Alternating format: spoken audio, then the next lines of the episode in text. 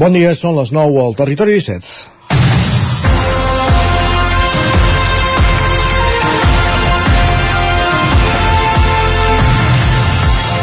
Durant l'any 2023, i segons les dades facilitades per l'Ateneu Cooperatiu de la Catalunya Central, es van constituir 17 cooperatives a la comarca d'Osona i una a la del Moianès. La dada és notòria i el que ha fet disparar la xifra de, noves, de nous projectes d'economia social són les comunitats energètiques que, impulsades per l'Agència Local de l'Energia d'Osona, van creant-se la majoria dels municipis de la comarca amb la finalitat de compartir i gestionar l'excedent d'energia que generen els panells solars fotovoltaics de cobertes privades, però també els dels parcs municipals que s'hi van projectant. Fer-ho a través d'una cooperativa és la millor manera, s'entén, de gestionar un bé col·lectiu i que contribueix també a reduir l'impacte de la pobresa energètica. Més enllà de les noves cooperatives, també és interessant fixar-se en projectes que ja comencen a tenir una trajectòria o plenament consolidats, com poden ser Osona, la Cooperativa Plana de Vic o Mobles Pirineus, de Tona, però també de creades més recentment, com la Fera Ferotge, nascuda per oferir serveis de, a les administracions al llarg dels seus 10 més 2 anys de vida, efemèride que volen celebrar aquest any, han aconseguit crear una marca de bicicletes reutilitzades, Fera Bike, o posar en marxa un servei d'autoreparació de bicicletes al barri que les acull, al Remei, amb una elevada presència de veïns que utilitzen aquest transport a diari per anar a treballar. Evidentment és una empresa i té la missió de generar riquesa i donar feina a 15 persones, entre les quals els quatre socis a partir d'una cartera de serveis per a administracions i centres d'ensenyament. Però també tenen vocació de servei i activisme veïnal en un barri al que mai li sobraran serveis. Llarga vida també als projectes cooperatius. És dimecres 24 de gener de 2024, en el moment de començar el Territori 17 a la sintonia d'Ona Codinenca, Ràdio Cardedeu, La Veu de Sant Joan, Ràdio Vic, el 9 FM, també ens podeu veure a través de Twitch, YouTube, Televisió de Cardedeu, el 9 TV i la xarxa més. Territori 17.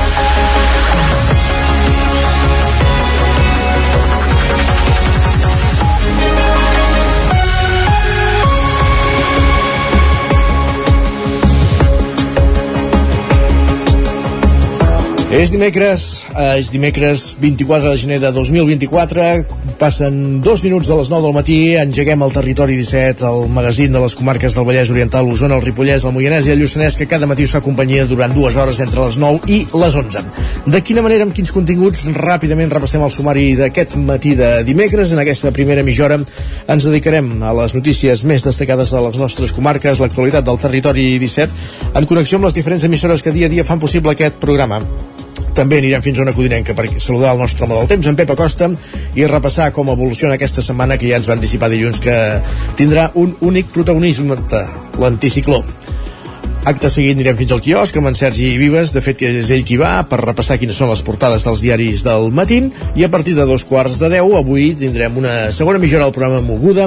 Primer de tot, com cada dia, pugem al tren amb l'Isaac Muntades a la Trenc d'Alba, ara que ja tenim data per restablir el servei complet eh, de la línia R3 Barcelona, Granollers, Vic, Ripoll i Puigcerdà el 4 de febrer Acte seguit anirem fins a una codinenca amb en Roger Rams per, per posar-nos al dia del projecte de Tom Manta de Caldes de Montbui i connectarem amb Prada de Conflent. La Gemma Permanyer, don, bé, dona codinenca, acompanya una delegació avui de Sant Feliu de Codines en aquesta població eh, de la Catalunya del Nord i coneixerem més detalls d'aquesta visita institucional a partir de, com dèiem, a la segona mitja del programa d'avui, a partir de dos quarts i algun minut de 10 del matí.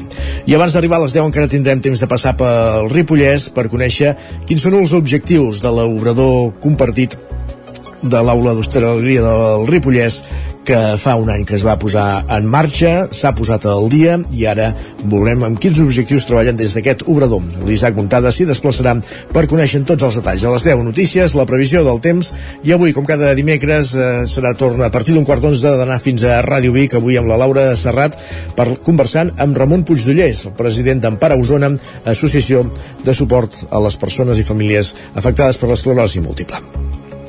I a la darrera mitja hora, primer de tot, ens endinsem al món de Twitter, X, com cada dia amb en Guillem Sánchez, i el Territori Sostenible, que el podcast que recuperem a partir d'aquest 2024 aquí al Territori 17 amb Jordi Givert des d'Ona Codinenca ens fixarem amb les ajudes a la pedra seca del, del Moianès. Per acabar el programa, el Lletra Ferits i tal com ens avançava la setmana passada l'Isaac Muntades, amb una actriu, una actriu popular, perquè apareix al Polònia, l'Eva Ortega, de Can de Bànol, però que ara també té notícia des de l'àmbit dels llibres i ho coneixerem a la recta final d'un programa que ara comença i que us acompanyarà durant dues hores fins al punt de les 11 al territori 17 i ens posem en dansa tot seguit, com no pot ser d'altra manera amb les notícies de les nostres comarques, les notícies del territori 17, que són les notícies del Vallès Oriental, Osona, el Ripollès i el Moianès. Territori 17.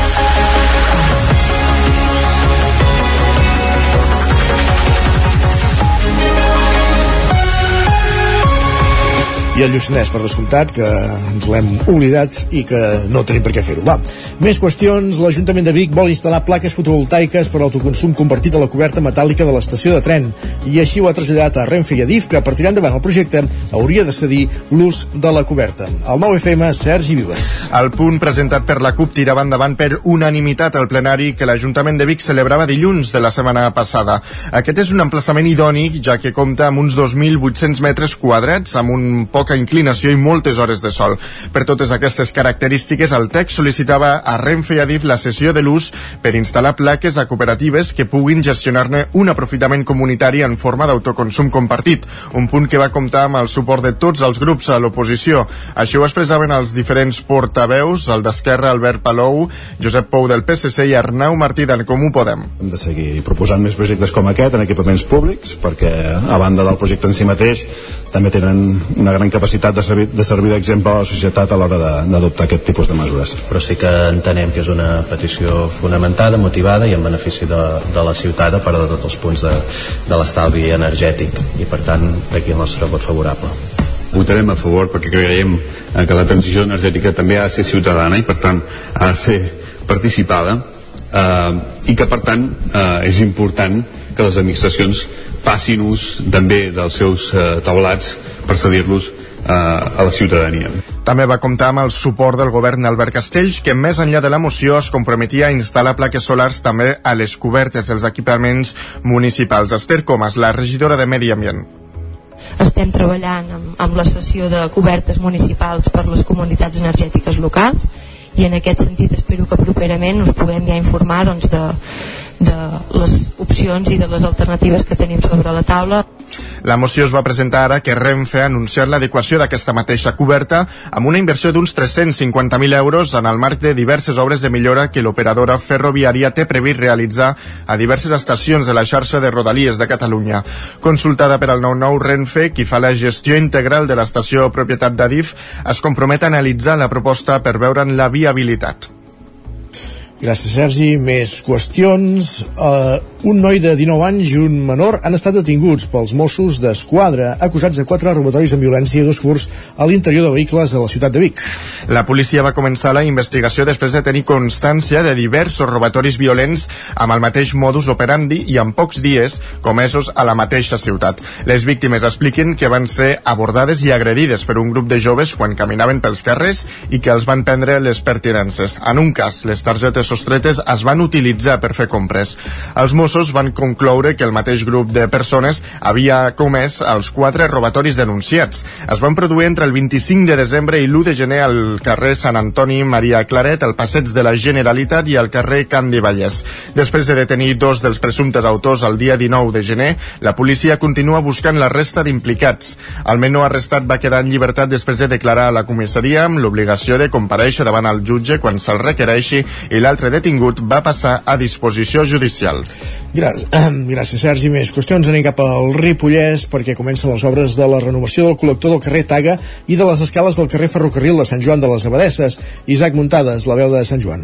Fa uns dies que l'Ajuntament de Sant Joan de les Abadeses ha iniciat les obres de renovació del sistema de sanejament municipal del col·lector del carrer Taga i les escales del carrer Ferrocarril. L'alcalde de Sant Joan de Més, Ramon Roquer, explica que els treballs consistiran a canviar el col·lector per totes les connexions dels habitatges i, a més, el consistori aprofitarà per millorar la xarxa d'aigua, estirant algun tub. Roquer apunta que era una obra necessària i prioritària per la població. És un col·lector molt antic que tenia ja moltes fuites. Aquestes perjudicaven eh, sobretot els veïns de, del carrer, de la part de baix del carrer, amb filtracions i problemes eh, greus i importants. Feia temps que intentàvem reparar eh, el col·lector i per tant minimitzar aquests impactes. Això finalment no és possible i s'ha hagut d'optar doncs, per canviar tot el col·lector i sanejar aquesta part de les aigües brutes.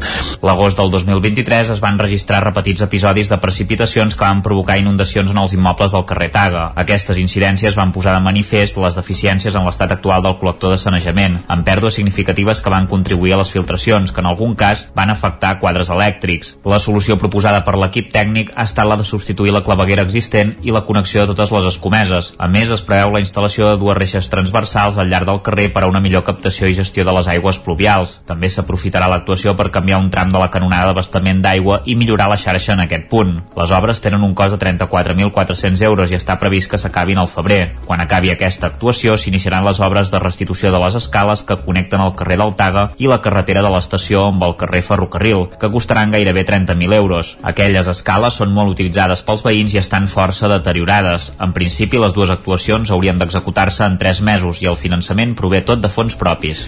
Gràcies, Isaac. Tornem a la comarca d'Osona i obrim plana cultural amb tot l'aforament ple al Teatre Auditori de Call d'Atenes acollir aquest cada setmana les dues primeres representacions de l'il·lusionista d'en Peyu en el marc de la campanya Fora de Barcelona, Sergi.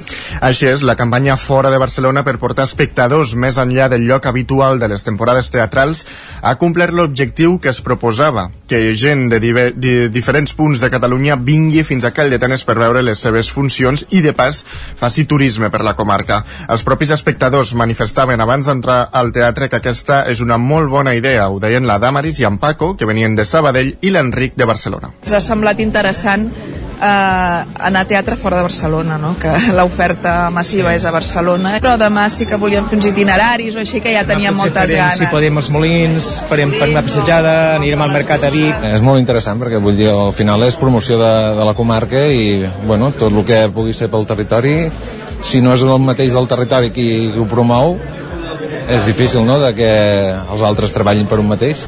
A Caldetanes les actuacions tenen un regust especial perquè és el lloc on es va preparar l'espectacle i, on es, i on es va estrenar el setembre de l'any 2022. La idea de l'humorista era que el públic fes el camí invers quan volen anar al teatre i sortir de la capital, i l'ha aconseguit. Hem trencat una mica el marc mental, no? Jo crec que estàvem en una comarca que a vegades era, hòstia, has actuat a Call d'Atenes i a Torelló, a Vic, vols dir que hi haurà prou gent per uh, omplir els tres teatres i, i hem fotut 14 funcions a Call d'Atenes.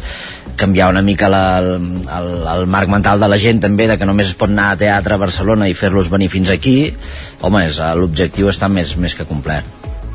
Totes les funcions de l'il·lusionista que farà fins a finals de març estan plenes, amb gent de diferents llocs de Catalunya, però també de la comarca d'Osona i alerta amb la dada que acabem de donar fins a finals de març, tenint en compte que l'objectiu inicial era fer gener i febrer per tant vol dir que s'han omplert i se n'han fet més de les previstes i inicialment. Més qüestions, aquest dimecres es dona el tret de sortir de la tercera edició de les jornades Pompeu Fabra a Sant Feliu de Codines, que s'allargaran fins diumenge amb més d'una desena d'activitats.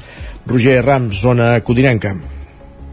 Sí, bon dia, exacte. La inauguració es farà avui a la tarda, però al matí una, de una delegació de Sant Feliu de Codines, encapçalada per l'alcalde Pol Cabotí i diversos membres del grup organitzador del certamen es desplaçaran a Prada de Conflent, a la Catalunya Nord, per ser rebuts per les autoritats del municipi i retre un homenatge conjunt a la tomba de Fabra el dia, avui, en què es commemora la seva marxa a l'exili des de Sant Feliu, ara fa tot just 85 anys. A l'homenatge també s'hi espera la presència de Lluís Puig, conseller de Cultura del govern de Carles Puig Puigdemont, l'historiador Alfons Quera, l'alcalde de Prada, Yves del Cor, i el regidor també de Prada, Esteve Turra. Una delegació de Prada de Conflent, encapçalada també pel seu alcalde, es traslladarà, es traslladarà després, aquesta tarda, a Sant Feliu per seguir aquestes jornades on seran rebuts per l'alcalde Pol Cabotí. Ja a la tarda, al punt de les 7 al Centre Cívic La Fonteta de Sant Feliu, avui s'hi donarà el tret de sortida a l'acte inaugural de les Jornades Fabra amb un acte que ha de comptar amb la presència dels dos alcaldes, el de Sant Feliu i el de Prada de Conflent, i a més hi haurà diversos convidats que intervendran. Maria Teresa Cabré, presidenta de l'Institut d'Estudis Catalans, Sergi Torner, vicerrector de la Universitat Pompeu Fabra, Jordi Casasses, president de la Universitat Catalana d'Estiu, i Pompeu Rahola i Fabra, net del mestre, que també serà avui present aquí a Sant Feliu. A banda i amb l'objectiu d'involucrar diverses entitats del municipi en aquestes jornades, també hi haurà participació d'un grup dels alumnes de l'Institut Carrasco i Formiguera que faran una lectura de poemes de Jordi Mir, una de les persones que més ha fons ha estudiat la vida de Fabra conjuntament amb l'autor, que avui també serà aquí a Sant Feliu. D'altra banda, destacar que la secció juvenil de la coral La Poncella oferirà una actuació en directe. El gruix dels actes, però, tindrà lloc entre dissabte i diumenge, quan s'hi han previst diverses xerrades i taules rodones que comptaran amb convidats vinguts d'arreu dels països catalans i amb la presència també d'alguns polítics de renom, com ara l'expresidenta del Parlament de Catalunya, Carme Forcadell, o l'expresident de la Generalitat, Quim Torra. A la connexió que farem a continuació d'aquí uns minuts, doncs, ampliarem de tot plegat i coneixerem com va aquest eh, tret de sortida a Prada Conflent. déu nhi aquesta quilometrada avui des de Sant Feliu cap a Prada i de Prada a Sant Feliu per fer eh, els actes a, a les dues poblacions. Com dèiem, la Gemma Permanyer es desplaça amb aquesta comitiva de, de Sant Feliu fins a Prada i d'aquí uns minuts podem connectar amb ella per, per posar-nos al dia de, de com està anant i de quines són les activitats previstes. Gràcies, Roger, parlem d'aquí una estoneta. Més qüestions. Els cementiris de Vilamajor 1978-2023 és la nova ruta històrica guiada i teatralitzada de Sant Pere de Vilamajor. Enric Rubio, Ràdio Televisió, Cardedeu. Així és, Isaac. Ferran Sarrià és quin està al càrrec i està programada per aquest cap de setmana, així que aquest pròxim diumenge, coincidint amb el 225è aniversari del primer enterrament religiós a Sant Antoni de Vilamajor, es realitzarà una ruta guiada pel mateix Ferran Sarrià, vilamajorí historiador, per conèixer la història dels cementiris d'aquest municipi. Alhora, s'aprofitarà la vinentesa per procedir al trasllat de les despulles de l'insigne vilamajorí Joan Argila i Mora, des del cementiri vell fins al nou d'aquesta vila. També hi haurà una processó teatralitzada amb els personatges de l'època, el bisbe de Barcelona, el governador militar de la província, el mossèn, alcalde i metge del poble i nombrosos familiars i amistats. Tot sota les llums de les torxes. Es durà a terme en absolut silenci, a excepció del so dels tabals i els plors de les ploraneres. Tampoc faltaran els periodistes del periòdic local de l'època La Gazeta de Vilamajor, que restaran presents per realitzar una detallada crònica en diverses entrevistes als assistents. Els organitzadors asseguren que serà una ruta impactant que no deixarà ningú indiferent i convoquen a tothom que ho vulgui viure aquest diumenge 28 de gener a les 6 de la tarda a la plaça d'Enriera. També recomana al públic assistent que porti vestimenta de color negre en senyal de respecte i dol. Han aprofitat per remarcar que l'activitat ha estat possible gràcies a la col·laboració d'entitats com el grup de tabals Vilamabum, a l'Associació d'Art i Cultura de Sant Antoni a Vilamajor, a Vilamagore Medieval, a l'Ajuntament de Sant Antoni de Vilamajor i a la participació de més de 60 persones voluntàries.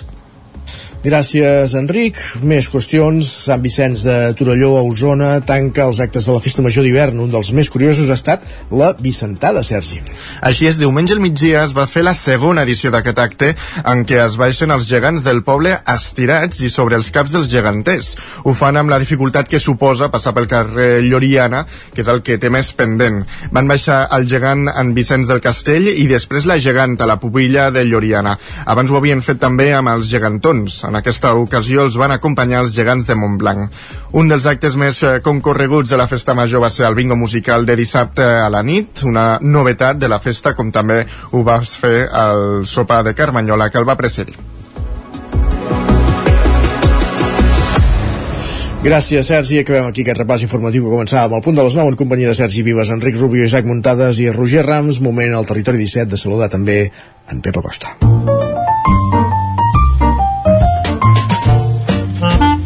Casa Terradellos us ofereix el temps. Un home que no necessita presentació, que no vol dir que sigui impresentable, ans al contrari, ens l'estimem molt, és el nostre home del temps, Pepa Costa, benvingut de nou, bon dia. Molt bon dia, què tal? Ja estem aquí, a l'espai del temps.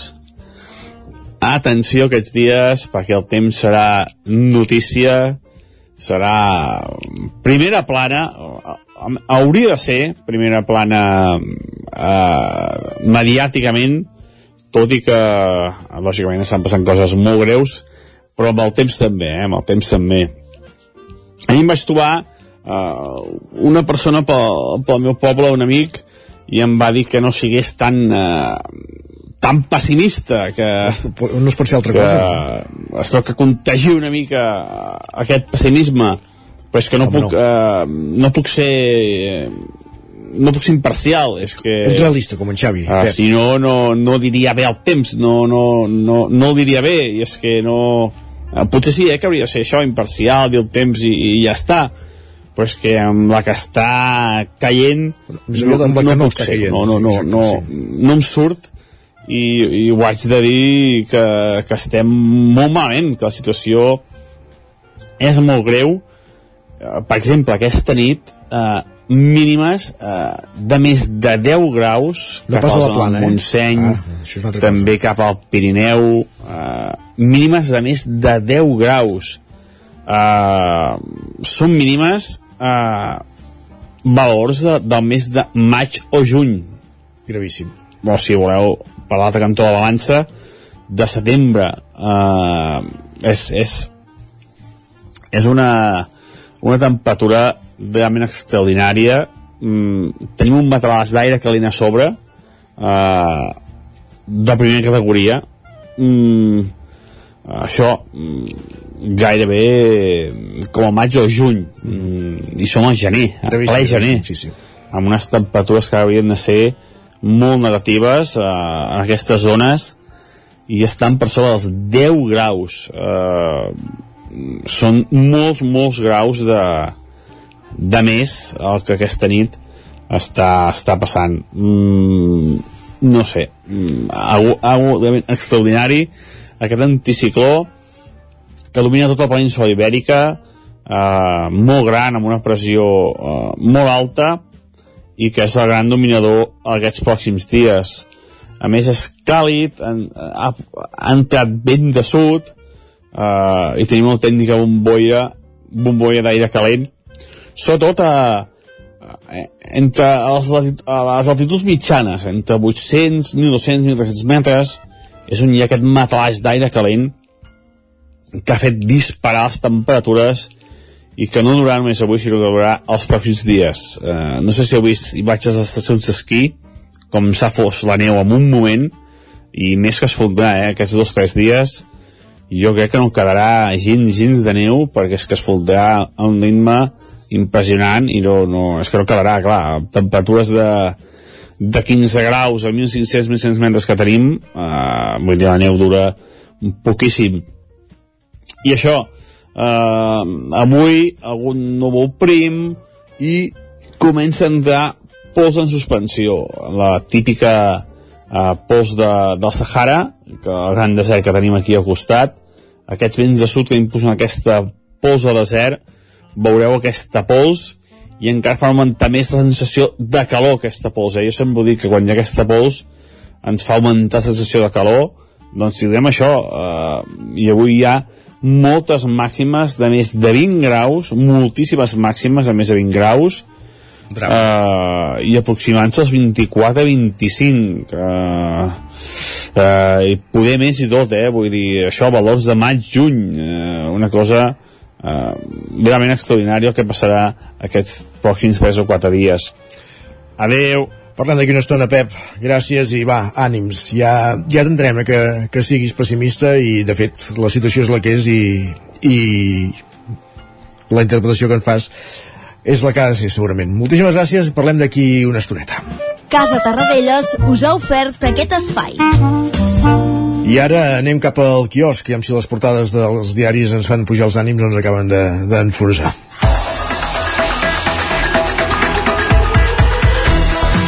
7 minuts perquè siguin dos quarts de 10. Sergi Vives, què diuen avui els diaris? Per on comencem? No sé si ens faran enfonsar o no, però... Uh, pel que tot, fa a eh? les portades de Madrid són una mica gracioses avui. Ah, mira, doncs així riurem, ja està bé.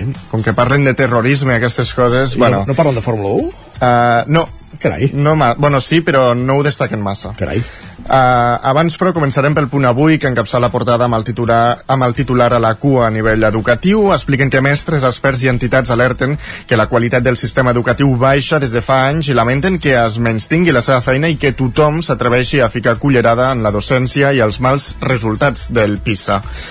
El periòdico eh, destaca que Bayona fa rum a l'Oscar expliquen que la Societat de la Neu aconsegueix dues nominacions als Premis de Hollywood i Robot Dreams de Pablo Berge una. També diuen que el turisme caurà al 10% si la temperatura puja 3 graus. Expliquen que l'escalfament afecta més el sector al, del sud d'Espanya i les illes i beneficia al nord. Ja ho dèiem, Pep. Sí, sí. Fatal. La Vanguardia diu que el pacte sobre la llei d'amnistia per blindar els acusats, bueno, destaca aquest pacte sobre la llei d'amnistia per blindar els acusats de terrorisme. Expliquen que les esmenes acordades pel PSOE amb Junts i Esquerra preveuen exculpar investigats del procés si no perseguien violacions greus de drets humans. Per altra banda, diuen que Madrid s'afegeix a la Fórmula 1, expliquen que la capital espanyola acollirà a partir del 2026 el Gran Premi d'Espanya de Fórmula 1 i el conseller delegat d'aquest esport deixa la porta oberta que el circuit semiurbà madrileny cohabiti amb el de Montmeló. Porque en Madrid lo hacemos bien porque somos los mejores, deia la Claro. claro. és així de senzill. No serà perquè han pagat el doble que Catalunya. Bueno, Exacte, en fi, i, sí. no, no, en fi, val més no entrar en detalls. Ah, sí. Més qüestions. Lara diu que la, destaca aquest acord perquè la llei d'amnistia blindi el Tsunami i el CDR. Expliquen que PSOE, Esquerra i Junts pacten que es considera que es considera terrorisme, que és la intenció directa de violar drets humans. Expliquen que la dreta demana a la Comissió de Justícia de l'Eurocambra que avaluï legalment el projecte de llei. I ara sí, anem cap a Madrid.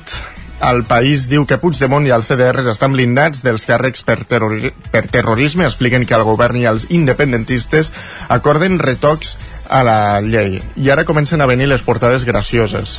Som-hi, va. L'ABC diu que el govern redefineix el terrorisme per amnistiar els seus socis. Expliquen que renuncia a la línia vermella que va defensar fa uns mesos al Parlament Europeu per blindar els CDR a Puigdemont i a Rovira. De fet, aquí eh, qualifiquen eh, tot això com a terrorisme friendly. Terrorisme friendly, molt Sí. bé, impressionant. El Mundo diu que el PSOE crea la figura de terrorisme light a mesura de Puigdemont. Expliquen que pacta amb Esquerra i Junts una nova redacció de llei que distingeix el terrorisme del procés del que causa violacions greus de drets humans. Diuen que el que busca és poder salvar el filtre de la Unió Europea. I la Razón diu que Junts aconsegueix l'amnistia per al terrorisme i encara demana més. Expliquen que els postconvergents mantenen totes les seves esmenes per reformar la llei en el ple del Congrés. També fa gràcia perquè l'editorial de la Razón es titula Sánchez descobreix el terrorisme bo. Carai, no. Eh, el terrorisme d'estat, en canvi, ells no, no, no el veuen ni... No, hombre, no. Va, repassem digitals, edició d'Osona i el Ripollès i el Moianès i el Lluçanès del 99.cat. Doncs ens expliquen que Seidor es reforça el sector públic comprant Gesein a Madrid. I a l'edició del Vallès Oriental i el Moianès? Doncs diuen que Territori dona per enllestida l'ampliació a tres carrils de la C-17 entre Parets i Granollers. Doncs obres que acaben, gràcies Sergi. A tu. Nosaltres el que fem tot seguit és una petita pausa, però tornem de seguida amb tot el contingut que tenim preparat per aquesta segona mitja hora per arribar a la coda del programa. Passarem per Caldes de Montbui, per Prat de, de Conflent i per Ripoll. 9 FM, la ràdio de casa, al 92.8. 26è Cau de Bruixes de Centelles. Del 23 al 28 de gener torna una festa per a tots els públics que gira al voltant de la tradició de les bruixes de Centelles. Hi trobaràs jocs de taula, conferències i xerrades, exposicions, sopar embruixat o rutes guiades. No hi faltarà el mercat màgic amb tarot, cartes astrals, bruixes i artesania o l'espectacle Cau de Foc. Vine a descobrir qui és la nova bruixa de l'any al Cau de Bruixes de Centelles. Consulta tot el programa d'actes a centelles.cat barra cau de bruixes. Cobertes serveis funeraris. Els nostres tanatoris estan ubicats en els nuclis urbans més poblats de la comarca d'Osona per oferir un millor servei. Tanatori de Vic, Tanatori de Manlleu, Tanatori de Centelles i Tanatori de Roda de Ter. Sabem que són moments difícils i per això el nostre compromís és atendre-us en tot moment amb un tracte humà, sensible i respectuós. Cobertes serveis funeraris. Telèfon 24 hores 93 883 23 46. Menja ràpid, menja fàcil, el trinxat de les Cerdanyes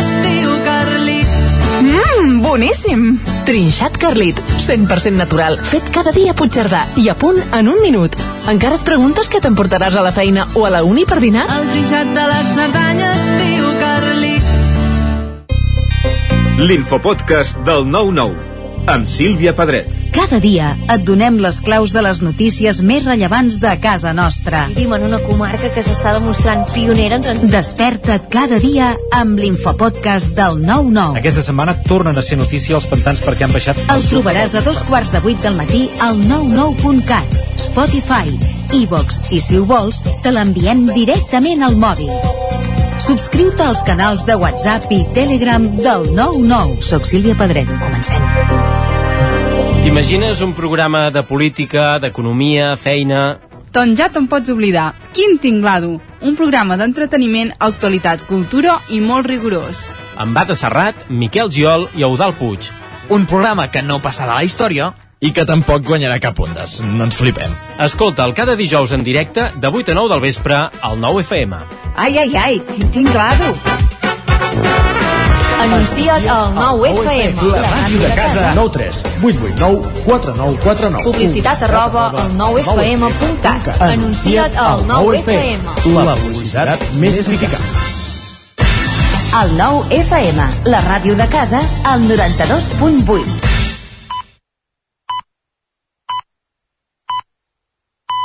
Territori 17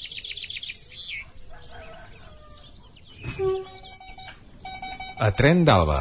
Cada dia els usuaris i usuàries de la línia R3 de Rodalies que veuen sortir el sol des d'un vagó ens expliquen les gràcies i les penes del primer comboi que uneix Ripoll i Barcelona o les feixugues jornades amb el tren després de treballar. Benvinguts a Tren d'Alba. Després que el 4 de febrer reprengui la circulació de trens de la línia R3 entre Parets del Vallès i el Figaró, hi haurà un segon tall, i és que les obres de desdoblament continuaran a partir d'ara amb la circulació de trens activa. En aquesta nova fase es faran una sèrie de treballs que sortosament són compatibles amb el pas dels convois per la línia. A l'estiu hi ha previst un segon tall ferroviari que serà més llarg que aquest. La data no s'ha concretat i tampoc l'extensió, però es podria limitar al sector entre Parets i la Garriga per les intervencions que ja s'han fet al nord d'aquesta darrera estació. Entre l'octubre i el pròxim 4 de febrer s'hauran fet els treballs d'adaptació de les estacions de la Garriga, les Franqueses i Granollers Canovelles amb l'ampliació de les andanes fins als 210 metres de llarg o la construcció dels passos inferiors que han quedat oberts però encara no són accessibles. També s'han fet els estreps dels nous viaductes que s'han de construir per travessar el riu Tenes, el riu Congost, el torrent dels Gorgs i la via d'enllaç entre la C-17 i les autopistes AP7 i la C-33 a Parets. L'obra preveu una inversió de 155 milions d'euros i es finança amb fons europeus. Va, ens retrobem demà amb més històries del tren i de l'R3. Territori 17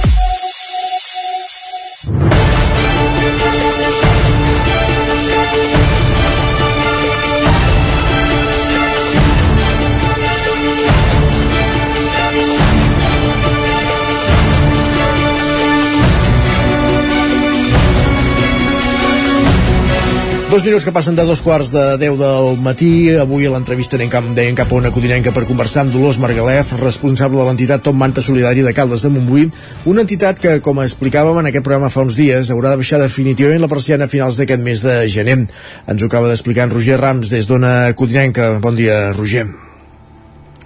Bon dia, què tal, Isaac? Eh, doncs eh, sí, la Dolors Margalef és una de les persones impulsores de, i responsables de l'associació Tom Manta Solidari de Caldes de Montbui, un espai que finalment, ho apuntàvem eh, fa uns dies a l'informatiu, després de no trobar un local on dur a terme la seva activitat i quedar-se sense el local que actualment ocupen, doncs tancarà definitivament els propers dies. De fet, ho farà el dia 30 d'aquest eh, mateix mes. La podem saludar a aquesta hora del matí. Bon dia, Dolors. Bon dia. Uh, primer de tot, uh, per qui no ho conegui, per qui no sàpiga què és aquesta iniciativa de la qual n'ets uh, una de les responsables, explica'ns una mica què és el Tom Manta Solidari i sobretot com va néixer.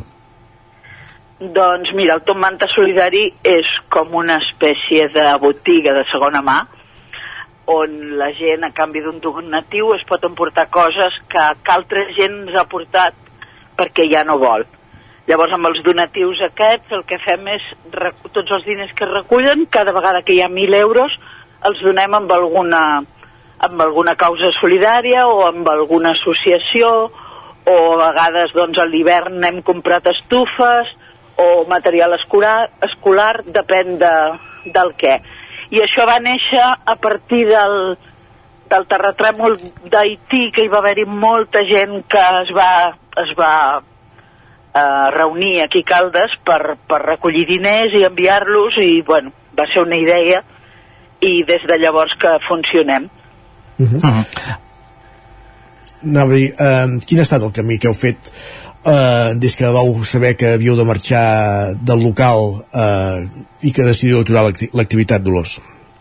Doncs mira, la, la cosa és que el local que estem ocupant ara fa, fa molts anys que es fa servir, que és d'una família que ens el va deixar sense, sense pagar res ni, ni res, i llavors doncs ells ara necessiten la casa i evidentment eh, doncs tenen tot el dret i fins ara doncs no hem tingut cap queixa ni, ni res, al contrari, molt, molt agraïts. El que passa és que en el moment de deixar el local, doncs clar, hem començat a fer una crida a particulars, a, a les institucions i a tot arreu, per veure si podíem eh, continuar l'activitat, fer un canvi de local. Llavors es va parlar amb l'Ajuntament, l'Ajuntament es va parlar del Col·legi del Carme, però el Col·legi del Carme ara mateix ha de fer reformes i fins d'aquí un any pot ser que, que no estigui que no estigui en condicions. I tampoc sabem exactament quin tipus de local podríem accedir, perquè clar, nosaltres no necessitem un local com qualsevol entitat que pugui necessitar un local per reunir-se o guardar les seves, el seu material. Nosaltres necessitem un local que estigui a peu de carrer, que la gent hi pugui venir fàcilment i, i això. I clar, això és més difícil. Llavors, clar, davant la possibilitat de guardar tot el material que teníem fins d'aquí un any a veure què passa, o, o regalar-ho tot gairebé, com, com estem fent, doncs vam, vam decidir que, ja que tot això era per gent que, que li fa falta coses i que el nostre públic és, és gent que podem una botiga normal no pot anar a comprar, doncs eh, vam decidir que donaríem tot el que quedava durant tot aquest mes a canvi d'un donatiu. El qui vol fer un donatiu el fa i el que, i el que no, no el fa, no? I així estem buidant.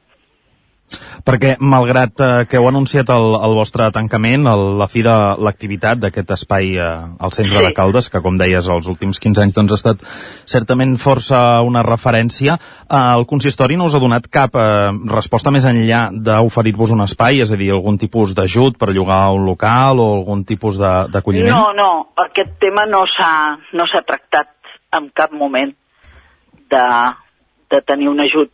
Sé que els qui...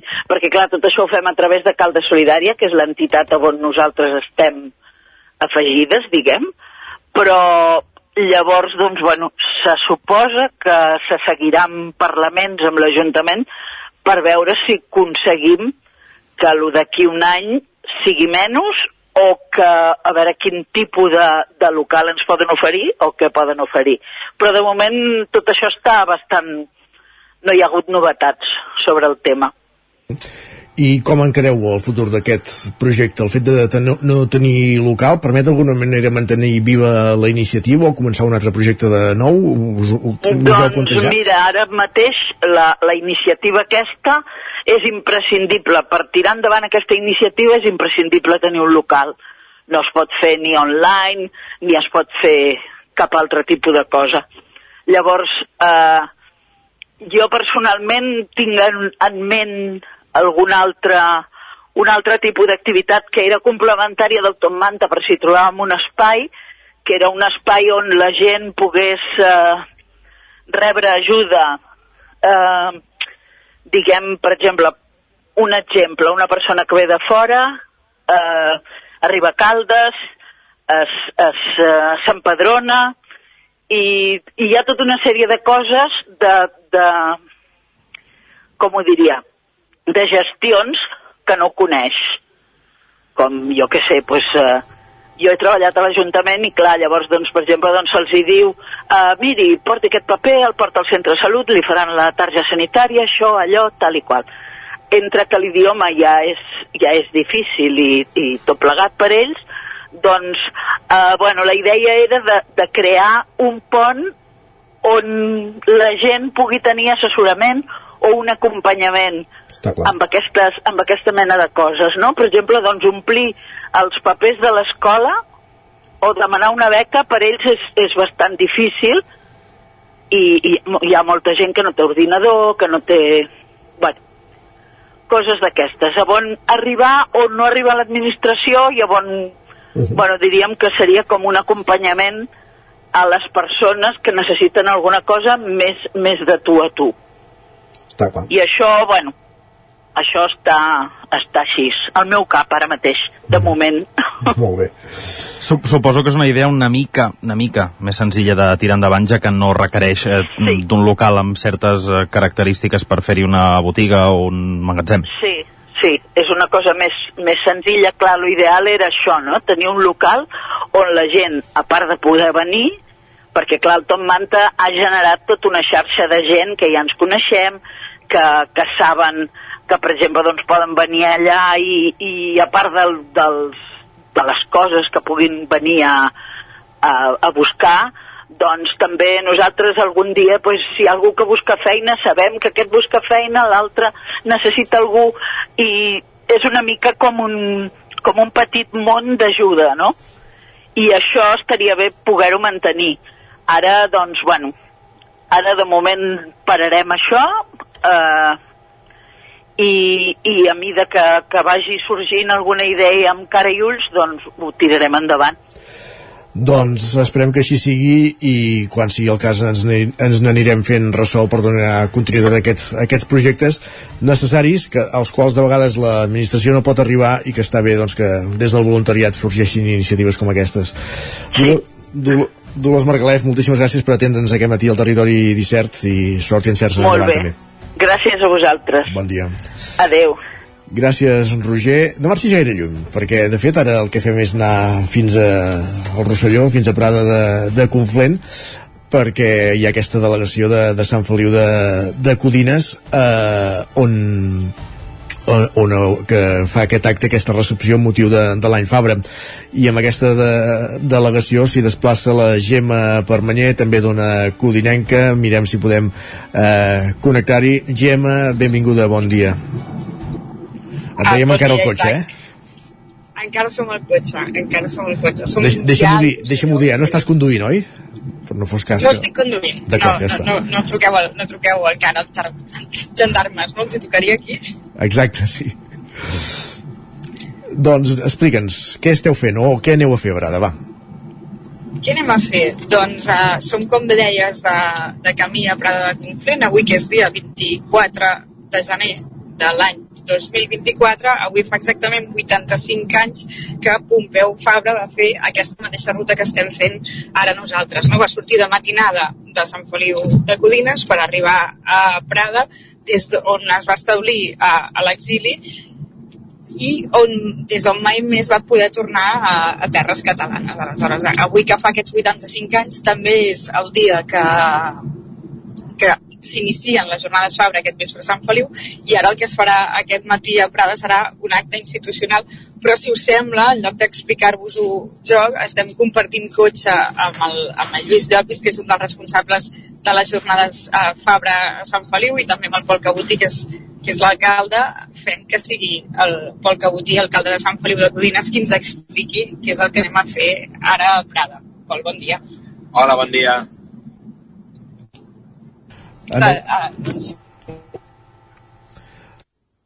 estem a la Gemma, evidentment, amb l'alcalde de Sant Feliu estan en itinerància, ara sí, eh, per tant és possible que tinguem talls en aquesta comunicació, però de seguida la, la restablim. Endavant, Gemma i Pol.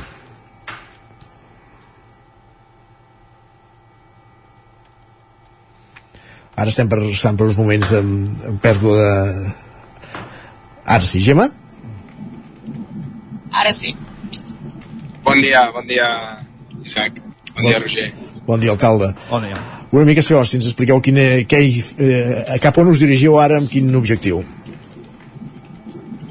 Sí, doncs com, com explicava la Gemma, avui és 24 de gener, uh, tal dia com avui de l'any 39, doncs Pompeu Fabra va sortir de Can Viladomat, una casa familiar de Sant Feliu de Codines, per fer aquesta ruta, aquesta ruta Fabra cap fins a, fins a Prada, on es va establir i on va morir, i el que anem a fer avui doncs, és eh, per inaugurar aquestes jornades Fabra que, que, que es van iniciar ara fa 3 anys, serà la tercera edició per homenatjar una mica aquesta figura eh, al voltant de la llengua eh, i els països catalans. Eh, deia la Gemma, no va poder tornar a terres catalanes, tampoc va considerar que, que, que, que havia deixat de ser a terra catalana. Ell eh, es va establir allà i considerava que estava al seu país i una mica doncs, aquesta és també és la voluntat d'aquestes jornades doncs, trencar aquesta frontera, aquesta frontera eh, imposada no? que, que, que ens separa doncs, de, la, de, la, de la Catalunya Nord, però que a l'hora de la figura de Pompeu Fabra doncs, ens permet desbordar-la, trencar-la i l'element com trencador d'aquesta frontera i que evidencia doncs, que, no, que no existeix és la llengua i una mica és el que anem a fer. Vam voler com a, amb, també una representació, una, una representació institucional doncs, anar a fer aquesta ofrena floral a la tomba de Pompeu Fabra, al cementiri de Prada, i, i així ho farem amb la, amb la jornada aquesta del matí d'avui, on ens rebrà també l'Ajuntament de, de Prada. Quina és la relació? Comencem... Perdona, perdona, Ah. Gemma, digues. Dir, de, de, de fet, comencem amb la recepció a, a l'Ajuntament de Prada. En el, crec que no hi haurà només representants de l'Ajuntament. No, hi haurà el, hi haurà, en rep l'Ajuntament de Prada i també aquí ens trobarem amb, el, amb en Lluís Puig, el eh, conseller de Cultura també a l'exili, eh, i el i l'Alfons Quera, que és el representant de la Generalitat a la, a la Casa de Generalitat de Perpinyà. Quina és la relació, Pol, entre els dos ajuntaments, entre Sant Feliu de Codines i Prada? Més enllà eh, de, de l'acte d'avui, que, està, que està clar, però no sé si teniu relació habitual.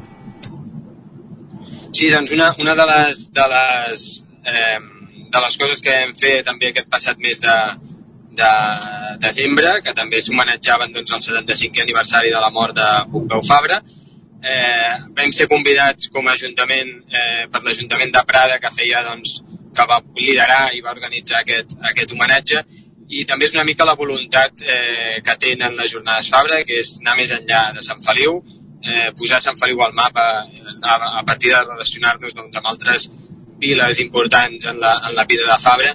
I, i sí que és una voluntat de, de meva com a alcalde i d'aquest govern i també del, del grup organitzador de les jornades Fabra doncs establir aquests ponts i aquests vincles amb, amb, amb pobles de la Catalunya Nord, en especial Prada, i justament ara que passem doncs, al voltant doncs, de Sant Feliu de Munt i Sant Feliu de Valls, que estem aquí arribant, doncs també recuperar una mica aquest agermanament doncs, que hi va haver eh, en el seu dia amb aquestes trobades dels Sant Felius, doncs també és una bona excusa doncs, per posar-ho en valor. I eh, hi ha la recepció de l'Ajuntament, després l'ofrena a, a la tomba, hi ha algun altre, més, algun altre acte previst més a Prada, perquè llavors abans repassàvem l'agenda i de fet a la tarda torneu cap a Sant Feliu, que continua aquesta celebració, no?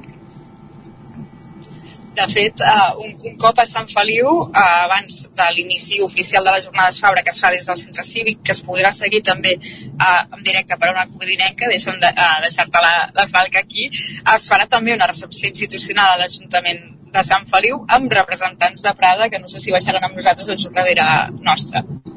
Sí, després de després d'aquesta jornada al matí doncs, són l'Ajuntament de Prada i, i, i representants també del casal de, de Conflent que vindran en aquesta inauguració de les jornades Fabra i que el rebrem a l'Ajuntament. Per tant, d'alguna forma, avui nosaltres ens desplacem allà al matí i baixarem junts cap a Sant Feliu a la tarda doncs, per també per això. Aquest, m'he deixat de dir abans, doncs aquest passat mes de desembre també es va, en homenatge al 75 aniversari de la seva mort, ens, ens eh, van inaugurar una placa just a la casa on vivia allà, que ens recorda i ens connecta també amb la placa que hi ha a Can Viladomat, a Sant Feliu, que recorda doncs, això, que el dia 24 de gener, ara fa 85 anys, doncs Pompeu Fabra va emprendre el camí cap a l'exili, aquesta mateixa ruta que fem avui, eh, des de Sant Feliu de Codines i això doncs, ens situa, ens situa com, a, com a un poble important en la trajectòria d'aquesta figura.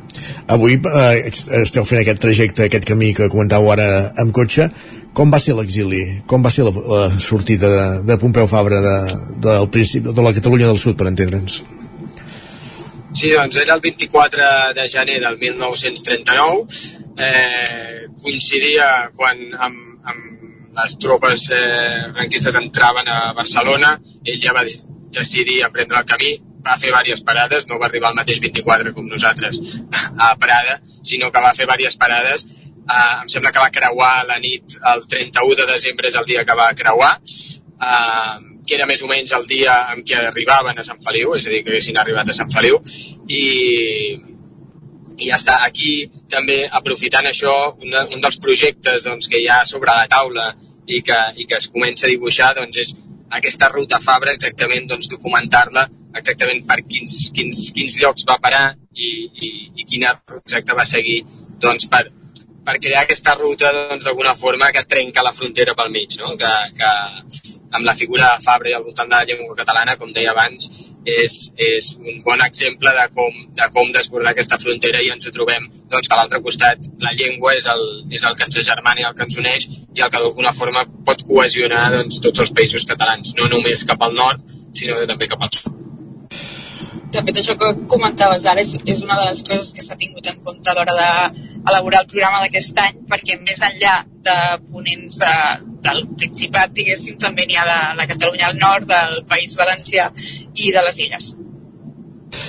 Gemma Permanyer, Pol Cabotí, alcalde de Sant Feliu de Codines, moltíssimes gràcies per aquesta connexió de camí cap a Prada de Conflent, cap a aquesta ofrena eh, a la tomba de Pompeu Fabra, avui que se celebra aquest 85è aniversari del seu exili, de la seva sortida de, de Sant Feliu de Codines cap a Prada de Conflent i un exili que va suposar el dia no retorn de Pompeu Fabra a la Catalunya de, del Sud.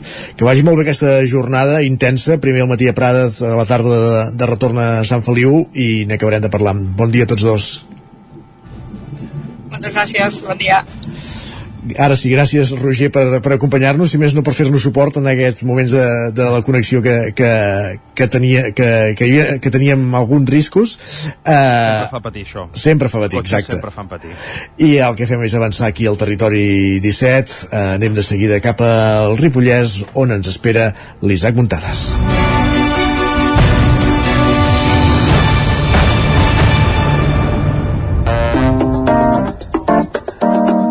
Territori 17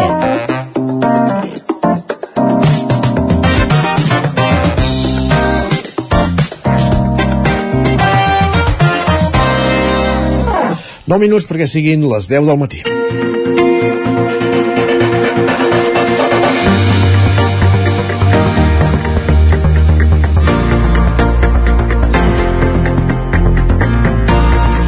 Isaac Muntades, la veu de Sant Joan, avui desplaçat fins a Ripoll eh, per parlar d'un obrador eh, compartit, d'un projecte d'obrador compartit que, que busca usuaris, que busca emprenedors. Isaac Muntades, la de Sant Joan, bon dia. Bon dia, Isaac. Doncs sí, com molt bé dius, avui ens hem desplaçat a, aquí a Ripoll, a l'aula d'hostaleria del Ripollès. De fet, des d'on estic jo ja puc veure alguns cuiners que estan preparant alguns de, dels menús d'aquí a, a l'aula. I avui estem molt ben acompanyats amb dues persones. Estem amb en Joan Pere Sallarès, que ell és el coordinador del Departament d'Empresa i de l'aula d'hostaleria de l'Agència de Desenvolupament del Ripollès i també de la Mercè Mauri, que és la coordinadora de l'àrea d'agroalimentària. I hem de dir, doncs, això, eh, que amb dos s'ocupen de coordinar l'obrador compartit del que ara parlaves, que és un projecte pioner de les comarques eh, gironines, que només es fa aquí a, al Ripollès, i de fet, doncs, aquest és l'obrador, és l'únic que està registrat i habilitat per oferir aquest servei a, a la província. Bon dia a tots dos i moltes gràcies per ser amb nosaltres al Territori 17. Bon, bon dia. dia. Uh, primer de tot, comencem per tu, Joan Pere. Aquest obrador va néixer, ho dèiem l'altre dia, que també veu fer una mica de, de presentació uh, al desembre del 2022. Uh, per què neix la necessitat d'aquesta infraestructura i què s'hi fa en un obrador compartit? Clar, el que intentem sempre és que anar creixent, anar fent projectes nous, idees noves i poder-les dur a terme, no? Això sí que és veritat que tant per la banda doncs, de la Mercè, quan parlava doncs, amb els productors, o per exemple doncs, nosaltres mateixos, quan teníem alguna persona, algun emprenedor, veies de que possiblement aquest punt d'obrador compartit doncs, dintre el territori doncs, lògicament no existia i vam pensar que podia ser un projecte interessant. No? A més, vam voler-li donar una volta més, que no fos un obrador municipal, d'aquests que només tens una llicència que et permet vendre a nivell municipal, sobretot, sinó fer una cosa una mica més gran, no? un projecte una mica més gran, aprofitar i tenir doncs, aquest registre sanitari que permetés que a aquelles empreses, persones que vulguin venir doncs, a produir dintre aquest obrador, això els permeti doncs, directament poder vendre doncs, no només a Catalunya, sinó directament a tota Espanya, amb la qual cosa és una mica la idea de que neix aquest projecte que no ha estat fàcil, però inicialment és aquesta la, la, la, la idea que vam, vam tenir i vam tirar endavant. Uh -huh. Abans, Isaac, un moment, només volia comentar una cosa més, que és que també neix una mica per la pandèmia, a banda d'això, no, també? Bueno, era, era un punt més on hi havia algun restaurador que podia venir, doncs podia crear i fer aquest producte i oferir-los, no? Per tant, vull dir, sí, va, una mica es va juntar en aquest cas un moment d'una crisi per aprofitar-ho per intentar tirar endavant i fer una, un projecte nou. Uh, en aquest primer any de, de funcionament uh, hi ha hagut una sèrie de, de canvis a, a l'obrador que permet que s'hi puguin fer més productes. Quins són aquests canvis i, i quins productes s'hi podrien elaborar eh, abans i, i, i quins a partir d'ara, quins s'hi afegeixen, per entendre'ns? Doncs en un primer moment vam donar d'alta la clau 26, que són menjars preparats. Um, aquí es podia fer això, o sigui, l'elaboració de, de qualsevol plat, però ens vam trobar amb un problema que venia una mica per, per salut, que és que havíem de donar d'alta unes subclaus que són subclaus que provenen de... O sigui, per poder introduir producte d'origen animal, com seria la carn, el peix, els ous o els làctics. Per tant, si algú volia elaborar un estofat o uns canelons, en un primer inici no es podia fer. Es podia fer una amanida, per exemple, una amanida de pasta, però no podies fer un pas més. Um, després el que hem estat fent és treballar durant això, mig any, nou mesos més o menys, en, en poder regular això, poder fer aquesta ampliació amb aquestes subclaus i poder ampliar aquest ventall amb, amb aquests productes d'origen animal. Uh -huh. uh, no sé quantes persones o empreses s'han interessat en, en l'obrador compartit a, aquest any, eh, Joan Pere. Sí, des d'una mica que va sortir eh, fins ara, que ja tenim, diria, molt definitiu, doncs aproximadament unes 8 empreses d'àmbits una mica, lògicament, sector restauració, però amb idees diferents, han passat per aquí o s'han interessat d'una manera doncs, o més activa o com a mínim per consultar informació.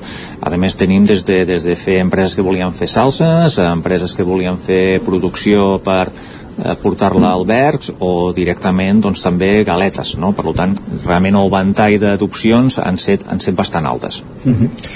I, i ja per això eh, eh, són usos més aviat puntuals o hi ha qui o es busquen també emprenedors diguéssim perquè per poder fer la mai millor dit eh, el, el tret de sortida d'un projecte empresarial per entendre'ns la proposta és que siguin emprenedors, bàsicament, emprenedors o empreses que vulguin treure un producte nou i que, que evidentment, eh, que, que per treure aquest producte nou es, es requereix una, una inversió que has de fer a casa teva i tampoc saps si, si això t'acabarà sortint bé o no. Després el que es posa a disposició és l'aula perquè tu puguis testejar aquest producte, mirar si té sortida i en cas que tingui sortida doncs bé, al cap d'un temps potser sí que val la pena que et facis tu la inversió que el, el local que tinguis el teu restaurant si és el cas d'un restaurant o així.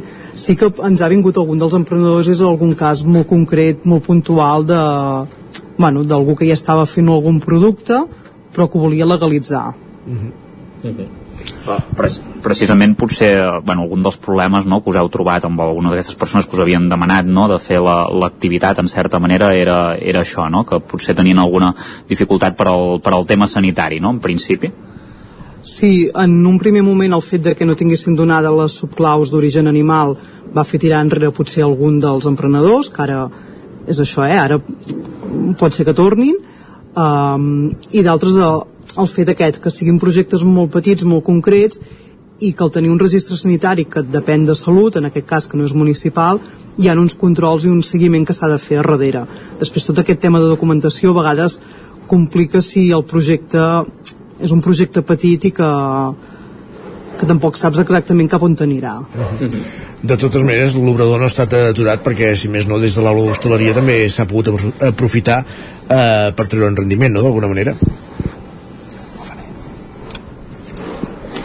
Sí, no, sí, l'avantatge d'haver tingut aquest registre és quan l'hem sol·licitat és no només l'hem sol·licitat per un tema de, de poder l'obrador compartit, sinó també, però com que és un registre sanitari que precisament és l'agència que ho demana, no? en aquest cas doncs, a través de l'aula d'hostaleria, el que permet és fer altres activitats i una mica la, el que volem és doncs, aprofitar que tenim aquest registre sanitari per, ja que des d'aquí tenim els alumnes, cuinem, fem plats, a part de fer el menú de degustació, doncs una de les idees era doncs, que aquest, aquests plats que poguessin fer, doncs poder-los envasar, preparats, i, per exemple, començant, i que sigui a petita escala, doncs, eh, oferint-te'ls doncs, al propi institut, al professorat que treballa allà, per poder-los doncs, una mica donar sortida no? I, i tantejar també com, fun com pot funcionar aquesta part de, de, de mercat o, o d'idea alternativa que no només sigui l'obrador sinó que sigui un projecte molt més gran mm -hmm. i també no sé quines avantatges té utilitzar aquest obrador compartit abans també la Mercè ho comentava una mica no? el fet poder econòmic no? potser seria un dels motius més, més obvis no? Sí, eh, hem de comptar que si per aquest tipus de projecte tot el que estigui relacionat amb, amb, la, amb la restauració, amb l'hostaleria, és una inversió molt elevada. És a dir, tranquil·lament, si tu vols fer un obrador, doncs necessitaràs un local, necessitaràs adaptar aquest local. Estem parlant d'inversions elevades, des d'un mínim poder de 20.000 euros a puges, puja sense parar, és a dir, segurament una inversió d'aquesta ens movem entre 20, 30, 40.000 sense problemes. Està claríssim que si jo sóc emprenedor de bones a primeres fer això, fer aquesta inversió sense saber el recorregut que tindrà el meu projecte doncs poder no m'ho puc permetre en canvi puc venir a un obrador puc començar a vendre, a produir veure si el negoci funciona i quan ha passat doncs, un termini de 3, 4, 5 anyets tantejar si ara sí que m'interessa fer la inversió perquè realment ja veig que el meu negoci funciona no? doncs una mica l'avantatge de poder venir un obrador és, és això, fer una mica de, de tastet, no? lloc on tu puguis provar que realment la teva idea uh, uh, funciona i pots viure d'ella uh -huh. Dilluns a la roda de premsa en la presentació que fèieu de, de, per, per reimpulsar aquest projecte parlàveu de que era una iniciativa pionera a les comarques de Girona d'on venen les empreses que s'interessen per venir-hi a treballar?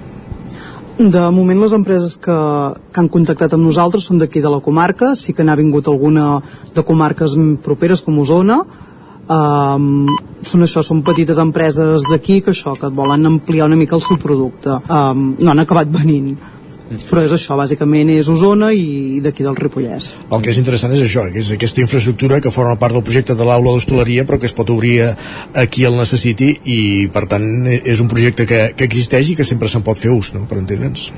Sí, exacte. El fet de que tinguem una aula d'hostaleria amb unes formacions, però no sempre aquests espais estan ocupats. Després, posar en valor això, no?, que, que tenim que tenim un espai que es pot utilitzar en altres hores i sobretot el fet que les empreses puguin tastar, puguin provar un producte nou i com a, com a emprenedoria, no? sobretot per donar valor al, uh -huh. bueno, un producte que sigui d'aquí. Perfectíssim. Mercè Mauri, Joan Pere Sallarès, moltes gràcies per acompanyar-nos aquest matí al Territori 17 per obrir-nos les portes d'aquest obrador compartit de, de Ripoll i que vagi creixent la, la demanda i que, que vagi tenint eh, aquest ús pel qual està també pensat. Moltíssimes gràcies i fins aviat.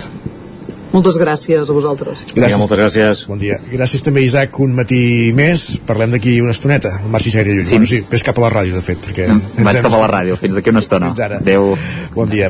I nosaltres que avancem al territori 17, hem superat les 10 del matí, en passa un minut i mig, serà tot seguit moment d'actualitzar-nos, de posar-nos al dia.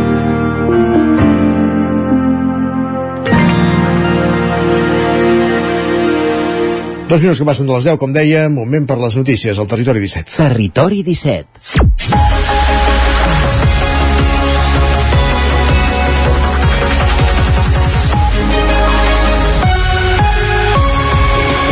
Notícies al territori 17, al magazín de les comarques del Vallès Oriental, l'Osona, el Ripollès, el Moianès i el Lluçanès, en connexió amb les diferents emissores que dia a dia fan possible aquest programa. La veu de Sant Joan, Ona Codinenca, Ràdio Cardedeu, Ràdio Vic, el 9FM, ens podeu veure també a través de Twitch, YouTube, Televisió de Cardedeu, el 9TV i la xarxa més.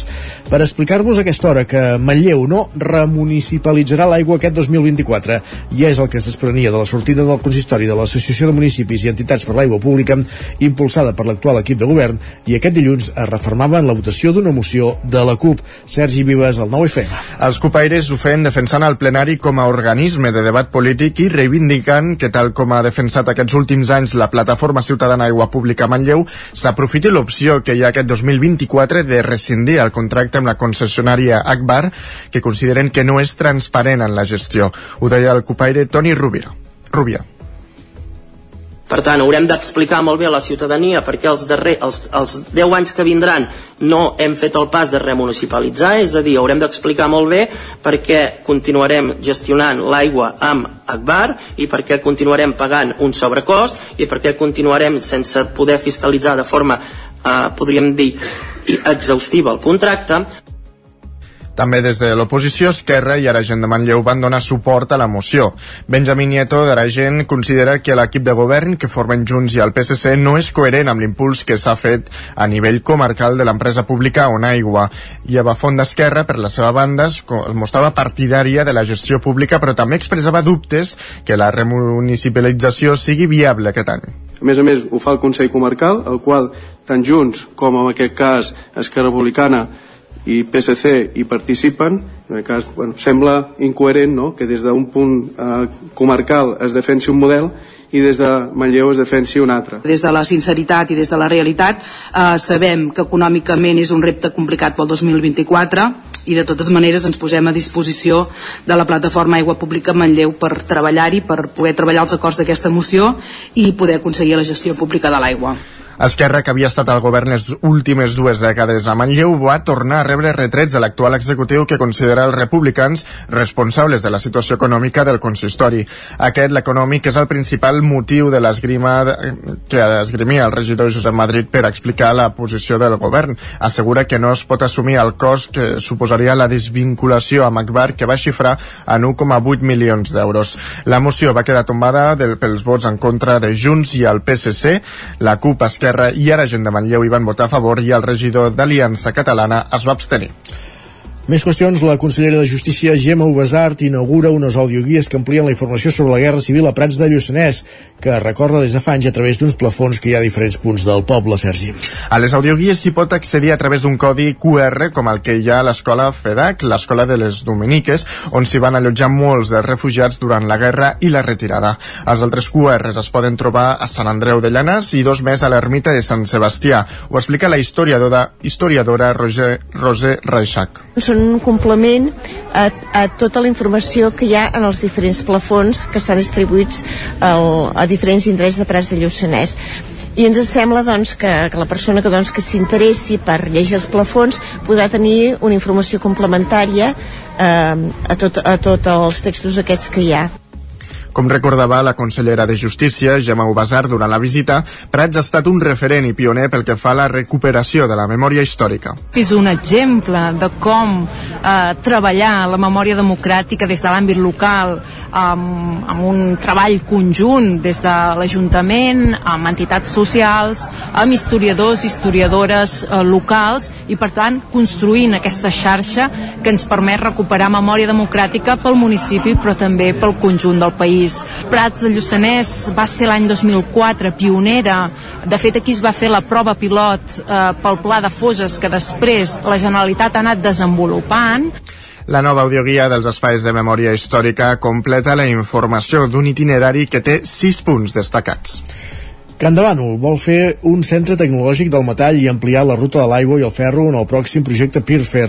Isaac Muntades, la veu de Sant Joan. Aquest dimarts, la majoria dels 10 socis del projecte Pirfer, l'acrònim de Pirineus de Ferro, entre els quals 5 municipis catalans en què hi ha Can de Bànol, Ripoll, Alpens, Alins o Besalú i 5 administracions i pobles francesos de la Catalunya Nord com Arles, Sortec o Foix, es van reunir al centre cívic La Confiança de Can de Bànol per demanar un segon POCTEFA després de l'aconseguit entre el 2018 i el 2022 per tal d'emprendre més accions a la vila en què el ferro sigui el protagonista. La tècnica de turisme del consistori Canonolenc, Laura Bassaganya, va explicar que el primer projecte Pirfer es va haver d'allargar per culpa de la pandèmia de la Covid-19, perquè algunes accions no es van poder desenvolupar. Concretament, Can de Bànol se'n va beneficiar amb la museïtzació del molí gros del centre Pirfer de l'aigua i el ferro i la ruta del ferro i de l'aigua. A més a més, la majoria de pobles tenien en comú una fira de forja. En el cas de Can de Bànol, es tractava de la Bienal del Metall. De cara al pròxim POCTEFA, a què volen aspirar, el municipi candanolenc vol impulsar més projectes. Des de Can Bànol el que volem fer és un centre tecnològic del metall, volem també ampliar la ruta de l'aigua i el ferro,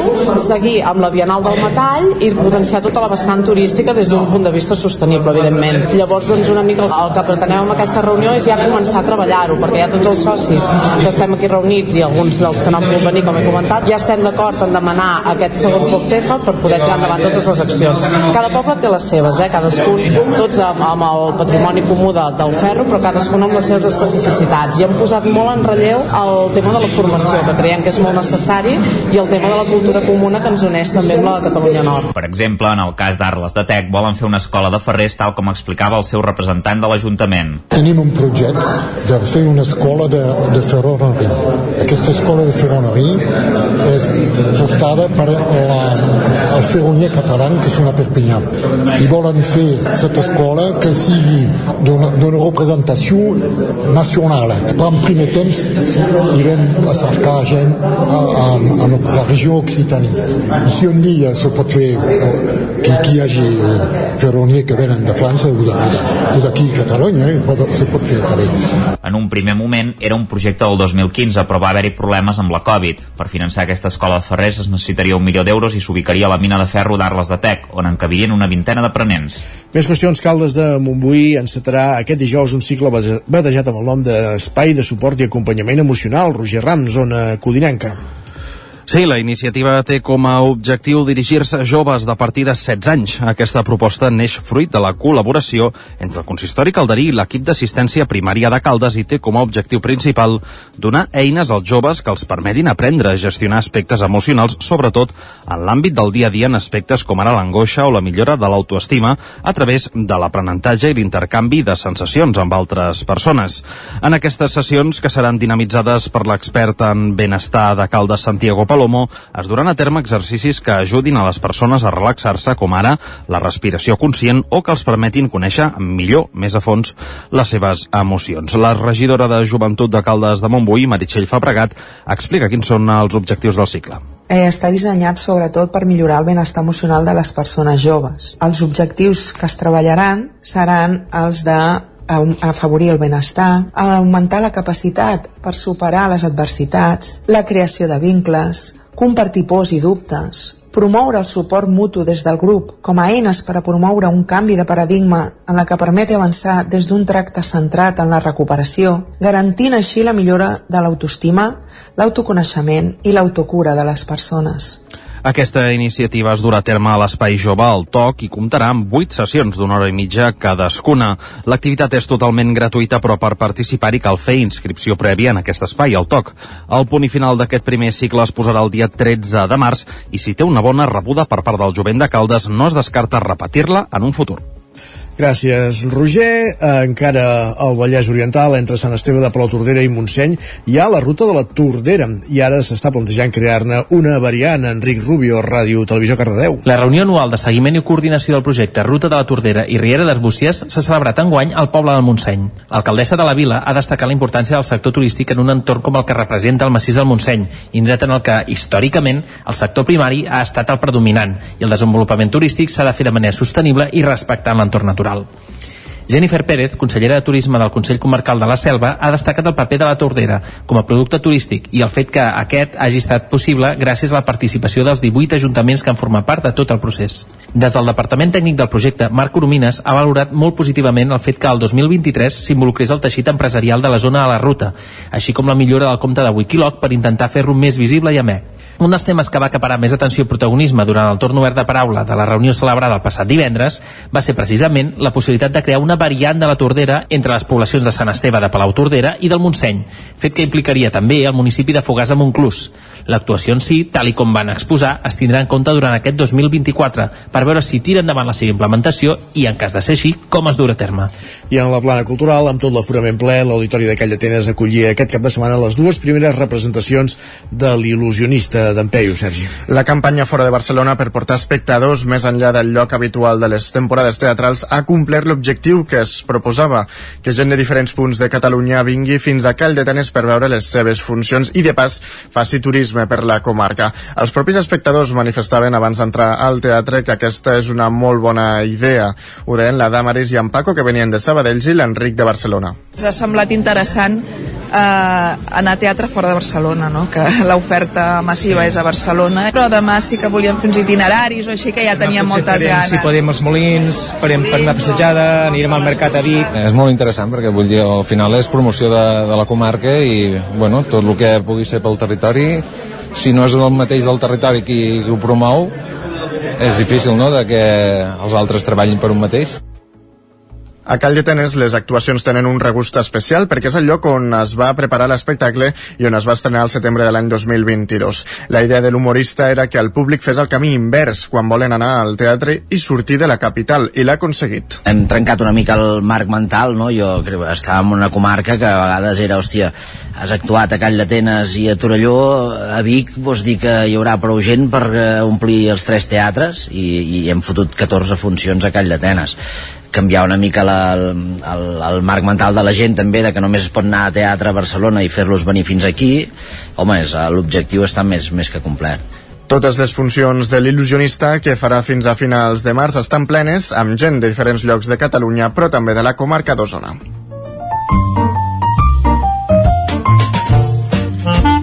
Casa Terradellos us ofereix el temps. Acabem aquí aquest repàs informatiu que començava amb el punt de les 10 en companyia de Sergi Vives, Isaac Montades, Roger Rams i Enric Rubio i saludem de nou el nostre home del temps.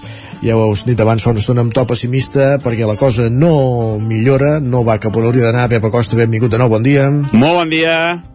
Avui algun núvol prim i comença a entrar pols en suspensió.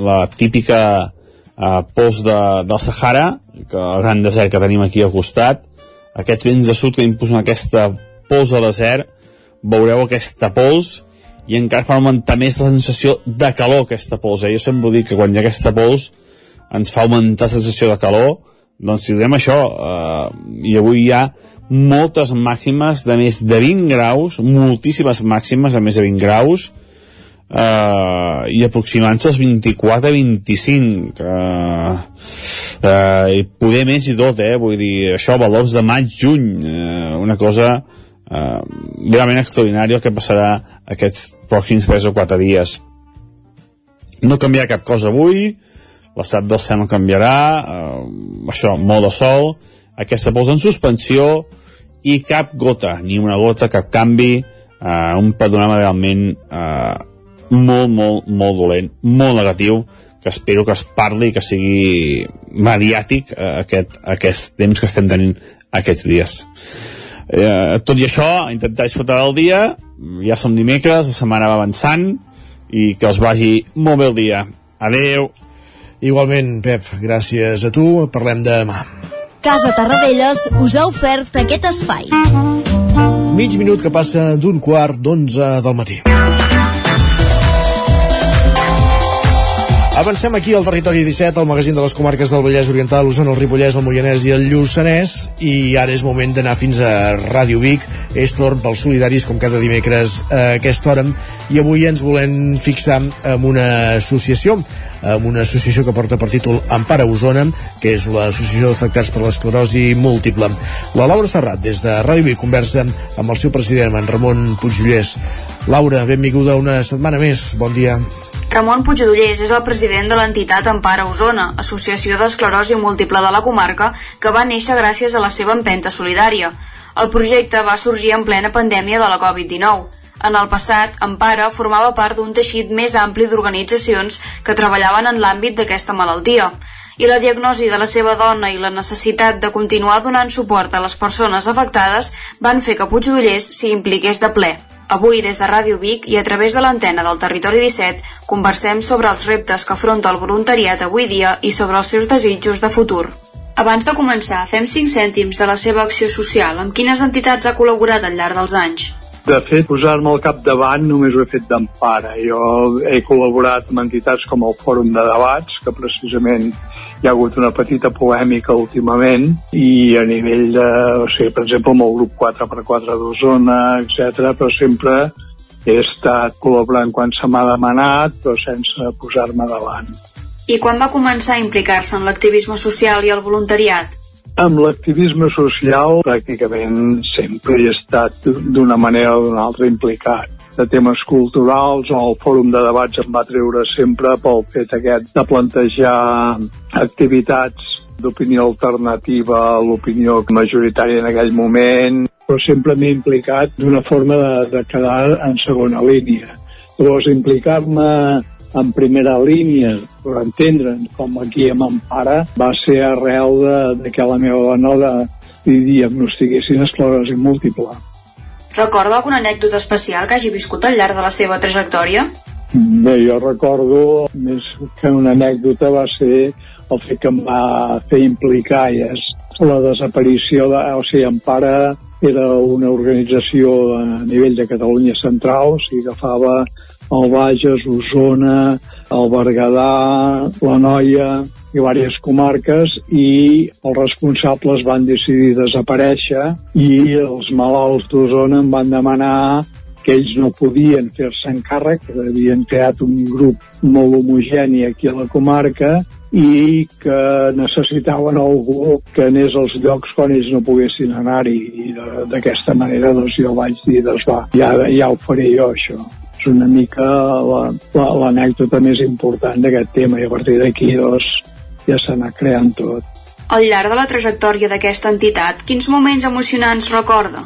Sí, aquesta entitat comença era a nivell de Catalunya Central, però específicament a nivell d'Osona, comença just el moment en què es va declarar la pandèmia del Covid sigui, en aquells moments, en ple Covid, que es van tallar tot tipus de rehabilitació i tot, va començar a funcionar l'entitat. I d'alguna manera jo em vaig veure obligat a entrar a fer coses perquè és que l'esclerosi múltiple és una malaltia que si tu deixes la gent inactiva, aquesta gent es converteix en un vegetal llavors els has de moure. I això és el que em va provocar que, que anéssim entrant en aquesta dinàmica. Mira, una de la cosa que em va motivar més va ser just encara en ple Covid que vam aconseguir una subvenció de la Fundació Girbau per una bici, per un aparell de, de rehabilitació que vam donar a l'Hospital de la Santa Creu que això va, va ser el moment que, que vaig dir, bueno, ara ja, ja estàs fotut, doncs endavant.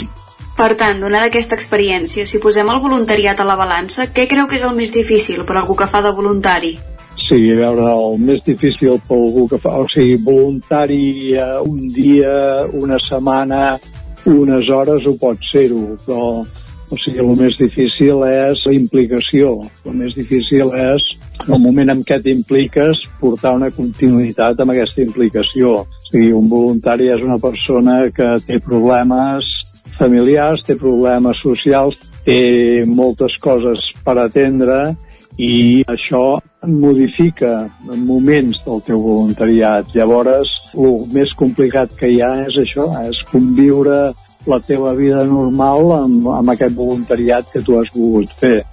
I per altra banda, per tant, què és allò que més el reconforta del voluntariat?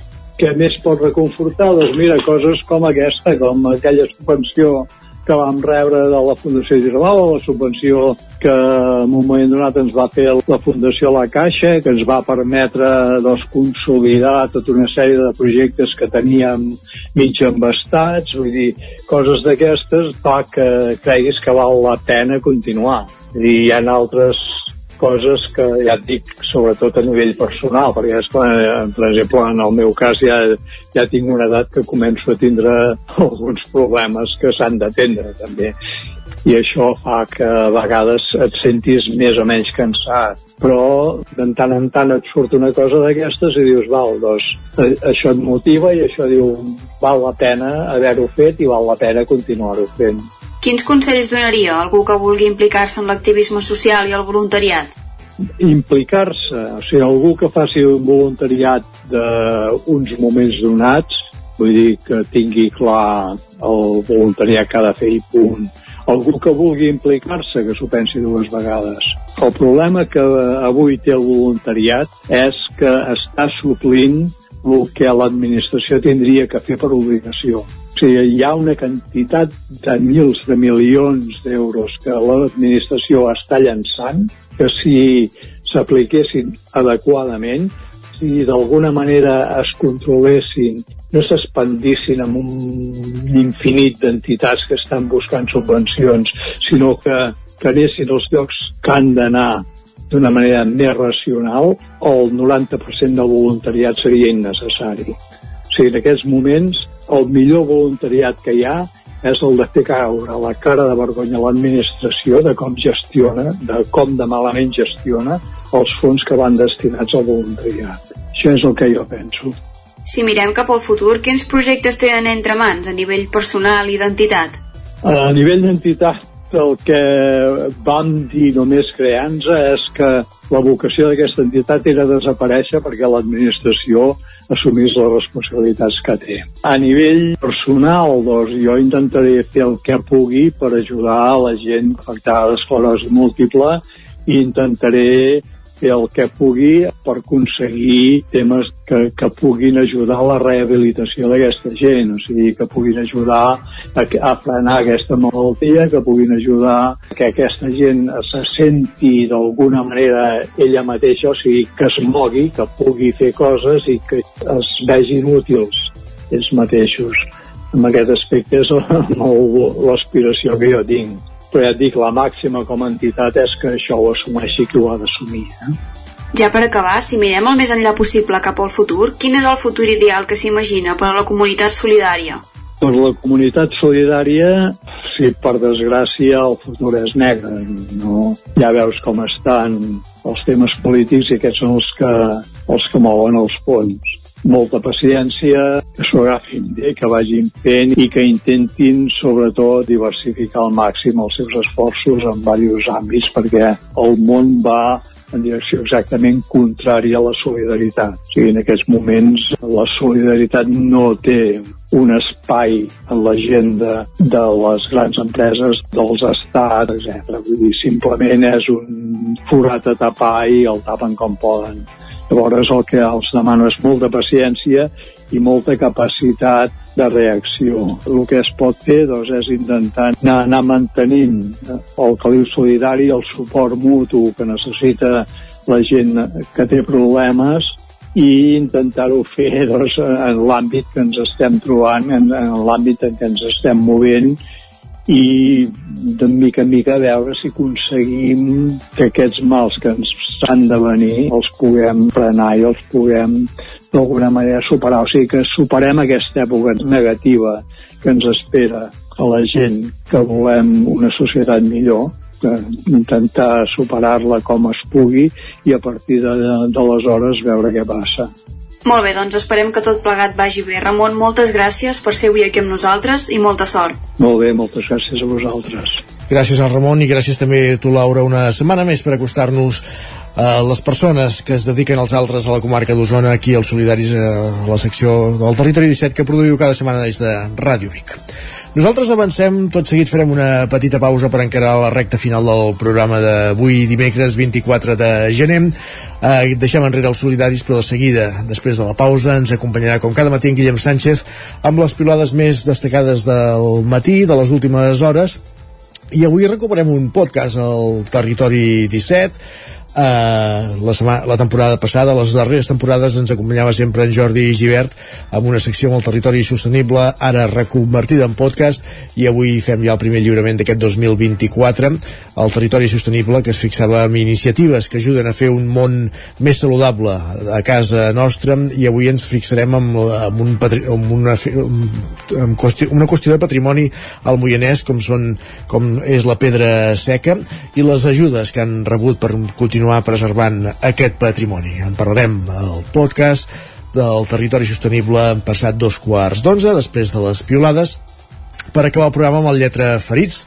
Avui a Lletra Ferits parlem d'un llibre de poesia, un volum d'una autora polifacètica perquè fins ara la coneixíem com a actriu és l'actriu la, que interpreta personatges com la Shakira al Polònia és l'Eva Ortega de Can de Manol i avui ens acompanyarà a la recta final del Territori 17 al Lletra Ferits per parlar d'un poemari que acaba de publicar en companyia de l'Isaac Montades per tant, aquest és el contingut que ens queda per arribar a les 11, petita pausa i ara tornem. El nou FM, la ràdio de casa, al 92.8. Menja ràpid, menja fàcil, el trinxat de les Cerdanyes diu Carlit. Mmm, boníssim! Trinxat Carlit, 100% natural, fet cada dia a Puigcerdà i a punt en un minut. Encara et preguntes com t'ho faràs perquè els nens mengin verdura? El trinxat de les Cerdanyes diu Carlit. Cobertes serveis funeraris. Els nostres tanatoris estan ubicats en els nuclis urbans més poblats de la comarca d'Osona per oferir un millor servei. Tanatori de Vic, Tanatori de Manlleu, Tanatori de Centelles i Tanatori de Roda de Ter. Sabem que són moments difícils i per això el nostre compromís és atendre-us en tot moment amb un tracte humà, sensible i respectuós. Cobertes serveis funeraris. Telèfon 24 hores 93 883 23 46. Ho han dit avui al 9FM? Ai, no ho he pas sentit. Tot té solució. Recupera programes, seccions i entrevistes del 9FM al 9FM.cat. Des de ben petit tindre un somni que és obrir un restaurant. Han sortit moltíssims llibres. Et demanen dades que, per altra banda, l'administració ja hauria de tenir. I ja no com a ramadera, sinó com a ciutadans. Nosaltres intentem que tothom pugui marxar amb un croissant. I trobaràs també tots els nostres podcasts. L'infopodcast del 9-9, cada matí a partir de dos quarts de vuit. I comencem parlant d'un tema punyent. Persones que passen per moments de gran dolor. L'infopodcast del 9-9. La lupa d'Agustí Danés cada divendres. La lupa, Agustí Danés. Els aniversaris. Cada vegada vivim més anys i cada vegada hi ha menys naixements. La combinació d'aquestes dues evidències distorsiona la piràmide d'edat. Paraula d'enfruns, el nostre podcast de llengua cada dimecres. Quan escoltem ho fem voluntàriament i en canvi sentir, podem sentir moltes coses encara que nosaltres no vulguem. Bruixes del dia, el podcast de dones i bruixes de Laura Centelles i Maria Saladic. Estàs escoltant Bruixes del dia. La meva relació amb la mort és totalment diferent perquè jo morts, diguéssim, físiques d'un cos n'he vist crec que una a la meva vida. Feeling de 5, l'actualitat de casa nostra en anglès. Hello and welcome to Filling the Sink, a podcast from Catalan News. My name is Lucía I també tots els relats finalistes del concurs de narrativa curta del 9-9. He despertat enmig de la foscor. Tinc la boca seca i els ulls El 9fm.cat, la ràdio en línia i els podcasts del 9FM. En punt, dos quarts d'onze al territori 17. I a dos quarts d'onze, com cada matí, és moment de saludar en Guillem Sánchez, que ha fet una capbussada a Twitter, la xarxa que ara s'anomena X, i ens destaca les pilades que més li han agradat. Benvingut, Guillem, bon dia. Què tal? Bon dia, Isaac. Vas bé o no? Va, comencem, no? Comencem. Doncs vinga, doncs no sé si t'has llevat tu avui per això amb el peu dret o esquerre. Quina sensació en tens? Uh, tenint en compte el dret, el dret em llevo jo. El dret, perquè hi ha gent que em sembla que ho ha fet d'una manera pitjor, com per exemple aquest usuari que ens comenta he començat el dia fotent-me la pastilla de la gossa en lloc de la meva. Vosaltres què tal l'heu començat? Doncs ara que ho dius no m'he pres la pastilla del matí. Mira, doncs mira, serveix per recordar-ho. Uh, me'n sé d'un una vegada que va dir que havia arribat a, quan va arribar a la feina ens va dir que, que s'havia llevat, eh, com, com hi va fer anar, diu he sortit potes en l'aire ah no, amb les cames per... bueno, en fi, m'he llevat amb les cames per davant amb les cames per davant que això és una altra cosa bastant més greu però vaja, en fi sí, correcte l'Eli també en remata, diu, un quart de vuit del matí i ja se m'ha fotut el dia a sobre dic, ostres, no pot ser, eh? no. un quart de vuit del matí ja se't desquadra tot encara ha de sortir el sol, que no per això, per això. no. I per xarxes, Isaac, també ha començat una tendència que he vist Aviam. avui, de completar yes. frases que comencen de la següent manera. Aviam. Diu, ser adult és una merda, però... Et sembla si en destaquem alguna? Ser adult és una merda, però... Va. Per exemple, la Lara, que ens diu ser adult és una merda, però per sort ningú m'obliga a saltar el potro a les 8 del matí. Això també és cert. Això és molt cert, i la Laia també hi afegeix, diu ser adult és una merda, però no haig de fer la curs navet i escoltar com els tios em diuen que el meu és més fàcil. A partir d'aquí podríem estar-nos tota la secció només comentant. Jo el, el potro el vaig aconseguir saltar una vegada, me'l vaig endur per davant per això. Et, et van aprovar o no? No, no. no. llàstima, doncs, Malament. llàstima. Va, i és la meva assignatura pendent. I tant, i la, i la preferida també. Va, no, i d'aquí poc temps... No. I d'aquí poc temps caldrà anar a Madrid, no em sembla, Isaac? A veure la Fórmula 1? Una miqueta, no? La Inés ens escriu avui... Jo estic molt content que, Digues, que se l'enduguin on vulgui, no? Pas arts, els cotxes. No? va. La Inés avorrit. ens diu... Quin esport més avorrit, va. Per...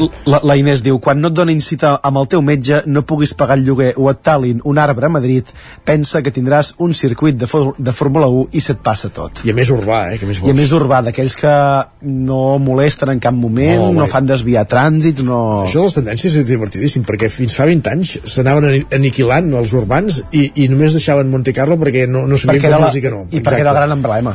Exacte. I, I ara no, ara sembla que és la tendència, altre cop. Malament, malament anem. Va, i atenció a l'aportació que ens fa aquest matí en Jordi. Diu, acabo de llegir això i m'ha fet gràcia compartir-ho perquè mai l'havia sentit. Ja. Atenció, eh? No importa quan gran et creguis que ets, els pals de llum del carrer són més alts i els gossos s'hi pixen. I fins aquí la meva aportació filosòfica del dia. Mm. Jo t'he de dir que no havia sentit mai aquesta expressió, aquesta frase feta o... Jo tampoc. Sempre s'han d'aprendre coses. Els pals de llum al carrer sempre són més alts.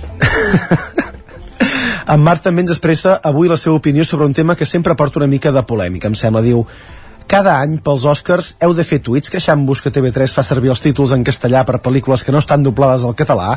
Quantes vegades us han d'explicar les coses? Que no es poden inventar els títols. Diu, pesats, pesats que sou. Home, que no es poden inventar els títols, ho compro. Ara, eh, la indústria cultural espanyola, des de temps immemorials, ha, ha fet cada barrabassada a l'hora de fer traduccions que no t'ho explico, que, que déu-n'hi-do, eh, també. que, que se'n podrien fer i semblaria que són les, les, sí. les reals. Sí. Va, i farem un resum per qui no se n'hagi adonat fins ara de tot el que està passant. Ens escriuen tota aquesta situació del Madrid és com si un lladre estigués atracant un banc i algú el gravés i traiés de la llum aquesta gravació i la justícia i la policia investigués el per què se l'ha gravat en comptes d'enganxar i castigar el lladre que estava robant.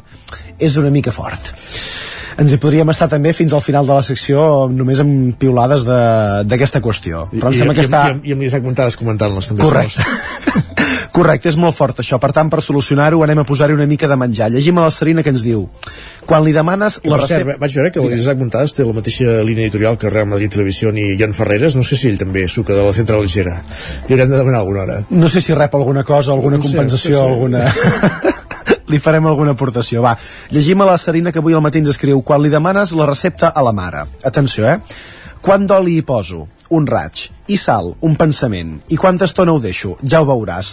Solució, esborrar la recepta i gravar-la mentre la fa. Uh, de fet, Experiència, clar, se'n clar, diu. clar que no podrem mai cuinar si... amb, aquest, amb aquestes... Experiència, experiència se'n diu sí. d'això. Va, i acabarem la secció amb un missatge de l'Anna, optimista 100% de mena, com sempre, diu la meva fe en la humanitat és inversament proporcional al nombre d'estats que donen suport a Donald Trump.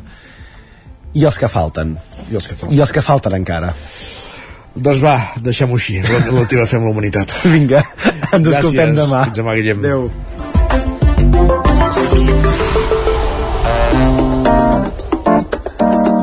Territori 17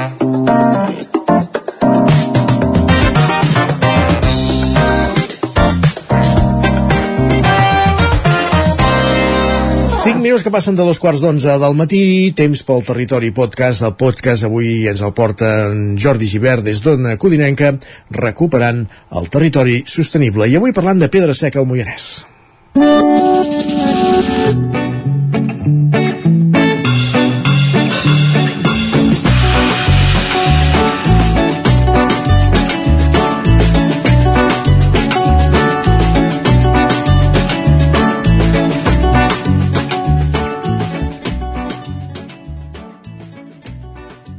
Avui al Territori Sostenible ens acostem al Moianès per parlar de Pedra Seca. Els pobles de Moià, Calders, Oló, l'Estany i Monistrol de Calders es poden acollir durant aquest 2024 a unes ajudes per reformar estructures de pedra seca que ha impulsat la denominació d'origen Pla de Bages, de la qual formen part.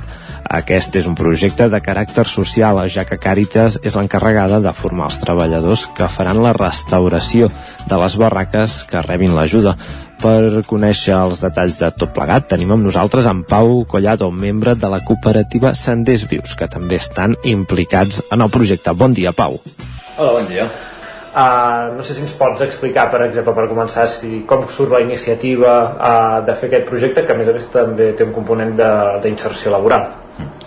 Sí, aquest és un projecte que, que neix, com bé dius, promogut per la denominació d'origen, Pla de Bages. Eh, en temps passats jo treballava també justament a Càritas de Manresa uh -huh. i com a tal ja teníem acords de col·laboració amb la denominació d'origen de cara a la promoció, la divulgació, la difusió i a la inserció laboral de, de, uh -huh. a través de, de la restauració d'estructures de pedra seca i com a tal la, la caixa vull dir, com a tal la, la denominació d'origen eh, va triangular eh, amb els seus contactes pues, aquesta oportunitat i la caixa ai, eh, i, i és la pròpia denominació d'origen que ofereix a, a Càritas la possibilitat de participar en aquest projecte perquè la caixa doncs, veu la possibilitat de finançar un projecte d'aquestes característiques. Llavors una mica qui articula tot el conglomerat ve a ser la denominació d'origen fruit de col·laboracions prèvies amb, amb Càritas i amb la incorporació en aquest cas d'aquesta entitat de l'entitat financera de la Fundació Val. Bancària La que Caixa hi havia per particular. relacions prèvies no, entre Càritas i, i la mateixa denominació d'origen Sí, sí, diguéssim que hi havia acords de col·laboració i això va ser un punt de concreció d'aquests acords de col·laboració. Molt bé. Um, llavors, uh, com, com és que s'escull també des de la part de la pedra seca? Què aporta a això a la reinserció laboral? Uh, com és que trieu uh, recuperar aquest ofici, diguéssim, de, de rehabilitar, de, de tornar a treballar amb la pedra seca? Doncs, bueno, jo portava, i, eh, participava i feia de formador i coordinador i d'insertor de projectes d'agricultura social a Càritas de Manresa i aleshores, eh, com bé et dic, d'agricultura social, això vol dir que a l'hivern doncs, teníem parada hivernal, no? Ahà. Perquè hi havia poca activitat i fèiem més activitats de, de manteniment, de preparació, etc. I, I en aquest impàs, en aquests moments, doncs vam veure, a veure què podíem fer aquest any? I vam veure que tenien tot de marges allà ensorrats en, la pròpia, en el propi espai de Càritas de Manresa d'Horta i vam decidir doncs, que mira, començaríem aquest hivern un hivern concret vam començar a recuperar doncs, marges. I d'això va ser com que durant dos o tres anys vam, vam, els hiverns ens vam decidir anar recuperant els diferents marges que hi havia en aquest espai de cultiu. I a partir d'aquí ho vam incorporar com a formació, petites càpsules formatives i al final ho hem integrat en una formació més àmplia, que li, de, li diem de polivalència en el peonatge agrari per ser una persona polivalent en el sector per- agrari i poder tenir característiques d'inserció i possibilitats d'inserció. Això, no? des d'aquesta polivalència, no tant des de l'especialització sinó, sinó des de la polivalència Per- a per- vegades en molts llocs va bé per tenir aquella persona que és que Que fa fer una una mica d'això, de- una mica d'allò, una mica d'allò. I també saber restaurar els murs de pedra seca que, poden, que a tot arreu n'hi ha per tant tota finca, tota explotació té murs doncs que els puguin tornar a recuperar. Era una, era una part més no, d'aquesta formació que ara ens explicaves més, més àmplia, orientada al sector primari i, i llavors a, a partir d'aquest projecte a, clar, casa amb, amb els ajuts que ara, que ara ens comentàveu a, quantes persones a, han participat? O sigui han, han tingut feina gràcies a, a aquests a, últims a, programes d'ajuts? A través d'aquests ajuts, eh, concretament, s'han pogut inserir sis persones. Prèviament, previ als ajuts i a través de les tasques de Càritas, doncs ja s'havia... Do, tres persones més havien aconseguit trobar oportunitats laborals també en temes de pedra seca però vinculats amb, també amb hàbits forestal, paisatgisme. Llavors eh, diguéssim que bueno, s'han gràcies a la pedra seca diverses persones han tingut oportunitats laborals però concretament amb els ajuts són sis persones. Clar, és un projecte que estava vinculat a Càritas. Quin perfil tenien la gent que, que, que formàveu?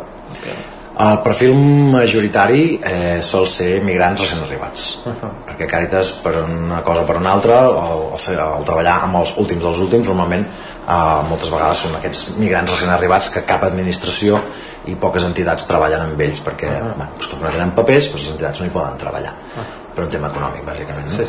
eh, de qui financia diguéssim. Eh, aleshores moltes vegades acabàvem treballant la major part de les vegades acabàvem treballant això amb migrants recent arribats o en situació administrativa irregular també amb persones del, del país eh, en situació precària també amb risc d'exclusió social i, mm, i bàsicament doncs, gent que, que ja tenia moltes vegades una experiència prèvia en el camp del seu país però que aquí doncs, estaven disposats a aprendre doncs, altres maneres de treballar al camp. Doncs al final ni la horta ni, eh, ni Sí. els cultius de secà són els mateixos doncs llavors també estaven interessats en aprendre eh, els, eh, bueno, doncs el, eh, com, com és el món de, de l'agricultura eh, aquí a Catalunya i en el cas afegint aquest matís, aquest, aquesta tècnica doncs el resultat a tots molt interessant perquè al final és això, no? Poder construir només amb pedres eh, doncs té la seva primer la gent queda sorpresa i després la gent hi va agafant la gràcia i, es queda sor- i, i bueno, doncs veuen que és possible i queden satisfets Ah, de poder realitzar aquesta obra que a més a més quedarà allà esperem que per molts i molts anys. Perquè mm, les estructures de pedra seca potser en els seus països d'origen no, no la utilitzen, no, no seria pròpia de, de la seva tradició. Sí, la pedra seca realment s'ha treballat a molts llocs del món. Sí. eh, principalment aquí al Mediterrani però també a Amèrica Llatina a la Xina a Àfrica a molts llocs s'ha treballat eh, el- la gent provenent del Marroc sí que ho coneix. Ah, per, també de la, depèn de la zona exacte, sí, sí, exacte. Tots els del nord i allà on hi ha pedra no? pues Sí, sí, sí, que ho coneixen. Si els llocs on no hi ha pedra no ho coneixen i per contra, igual com aquí també ha patit un procés d'abandó i d'ignorament d'ignorar-ho, diguéssim fruit de que s'ha abandonat el medi rural en molts espais en els països llatins o principalment que coneixem doncs, també té, ha patit Ha aquest abandó i llavors hi ha un menys preci per bé que tots ho recorden com oh sí, el dels inques no? Eh, tots tenen a la memòria doncs, segons quines construccions igual com aquí al final també s'ha anat revaloritzant a través de coses més, més, més grans, més grandiloquents no? pues les tines del flequer o les barraques que aquí n'hi ha, tant, ha tanta presència diguéssim que s'està recuperant i s'està començant a revaloritzar també precisament uh, aquests, uh, aquests projectes han permès uh, recuperar estructures de, de pedra seca uh, no sé si teniu dades de, de quantes ne podeu ajudar en cada un d'aquests uh, ajuts que feu per exemple, podeu, quines, quantes en recupereu per temporada digués? Mm. Bé, en els primers ajuts, si no em falla la memòria, en vam recuperar unes uh, 17 i en els segons ajuts unes uh, 12 i complementàriament hem recuperat diverses escales i petits refugis també o sigui, el Pedra Seca no només són barraques i només són mases sinó també hi ha pues, això, aquests saltadors aquestes escales empotrades a vegades baixadors a vegades petits refugis empotrats a la paret a vegades mini barraques que només eren per les eines a vegades barraques dobles no? amb, amb part amb falsa cúpula i part amb, amb llosa. Hi ha zones que, flora, que, que tenen molta floració de, de lloses que s'havien fet barraques eh, a més de la falsa cúpula doncs amb una estructura d'embigat i lloses a sobre i terra a sobre. Per tant eren de sostre pla. Aquí al Bages n'hem trobat d'aquestes i n'hem recuperat algunes també. Molt bé, veig que hi ha diverses tipologies, suposo que també s'adaptaven una mica a les necessitats de, de cadascú i la tècnica que, que Sí. coneixien els, eh, els rabassaires o, o la gent que treballava. Exacte, sobretot s'adaptava a la pedra que hi havia Val. Vull dir, al final és un recurs del territori i, i, això, i, i les pedres sortien moltes vegades de despedregar els camps no? a, a mesura que anaven volent aterrassar sí. per poder cultivar doncs, havien d'anar tenint les pedres i aquestes pedres les feien servir per fer els marges i quan tenien una acumulació prou gran doncs, també per fer els, les barraques i llavors al final doncs, s'adaptaven a la pedra que hi havia i com sabem al Bages hi ha diverses tipologies de pedra i per tant les barraques canvien en funció de la tipologia de pedra Pau, també et volíem preguntar pels, pel perfil de les persones que es presenten en, a, en aquests ajuts. Quin, quins són a la gent que demana aquesta, aquesta ajuda perquè rehabiliteu estructures de pedra seca? Bé, majoritàriament eh, podríem parlar de cellers eh, i al final qualsevol tipus d'empresa que, que, que el territori és un valor un valor a, a visibilitzar no? i a expressar i que, i que esperen que, les, que, que la gent vingui al seu territori per aquest valor, que és el, que la gent vingui al seu espai per aquest valor, com són cellers, eh, turismes rurals, mm, olivicultures, no? gent que llocs on diguéssim es ven el, el paisatge Gent que, que està treballant en el, en el sector agrari, diguéssim, com els cellers, i, i que a més a més tenen un component de, de turisme, no? de, de interacció i de, i de que s'hi fa una, un, una proposta turística. Sí, llocs on el paisatge, l'entorn, el territori és un valor eh, complementari al, al seu producte, diguéssim, no? Pues, que, com el vi venen un territori, els, els de turisme rural venen un territori, no? I complementàriament amb ells doncs llavors estaríem parlant de grans propietaris forestals també eh, que, tenen, que gestionen un territori molt ample i que tenen un arrelament important en, aquest, eh, aquest, en el seu territori i que volen recuperar aquest patrimoni que va fer el seu avi o que tenen una herència de fa generacions i que volen anar recuperant barraques que saben que hi havien jugat de petits o... No hi ha un component sentimental, també. Exacte, hi ha una part molt emocional Eh, llavors també estaríem parlant de, de petits propietaris no? que ara viuen al camp no? I, i tenen al davant de casa un marge de terra no? pues, prefereixen veure el dret abans que, que terrassar sí. no? per tant aquests petits propietaris que, que arreglen el seu entorn més immediat i llavors també administracions administracions locals eh, que, vol, que veuen en la pedra seca pues, un valor també de territori no? No sé si des de que treballes amb la pedra seca també hi ha hagut la inclusió de, de l'art de la pedra seca com a patrimoni material de la humanitat. Si heu vist que hi ha més... Eh, es preocupa més tant la gent com les institucions per, per saber què, què són les estructures de pedra seca i per preservar-les. Bueno, la pedra seca ja fa com 10 anys que està, pos- està en un procés de revalorització important eh, si hem arribat a aquest moment en què s'ha declarat com a patrimoni material de l'humanitat és perquè ja estava en un procés Estava, avançat hi havia un fe, una Sí. feina fent-se Sí. i a partir d'aquí mira, jo sincerament no és que hagi notat més però sí que lògicament sembla que una miqueta més la divulgació però no fruit d'això sinó fruit de tota l'empenta i, i, i l'efecte crida que ha anat tenint al llarg del temps val? i la valorització, el reconeixement oficial doncs, bueno, sempre, sempre ajuda d'alguna manera no? moltes vegades més des d'una vessant més de l'administració però, però per mi és un reconeixement fruit del procés del treball de moltes persones i, de, i que afavoreix aquesta revalorització Molt bé, doncs Pau, moltes gràcies per explicar-nos uh, la situació, els ajuts, uh, parlar d'aquest projecte de, de la Pedra Seca. Uh, esperem que vagi molt bé la iniciativa de Senders Vius. Molt bé, moltes gràcies. Doncs fins aquí el territori sostenible d'avui. Recordeu que aquests ajuts a la Pedra Seca surten cada dos anys i que s'hi poden acollir, com explicàvem, tots els pobles del Moianès que formen part del territori de la denominació d'origen Pla de Bages. Gràcies per escoltar-nos i tornem amb més històries de les nostres comarques aquí al Territori Sostenible. Territori 17 Temps pels llibres, temps per la literatura, 12 minuts perquè siguin les 11 del matí.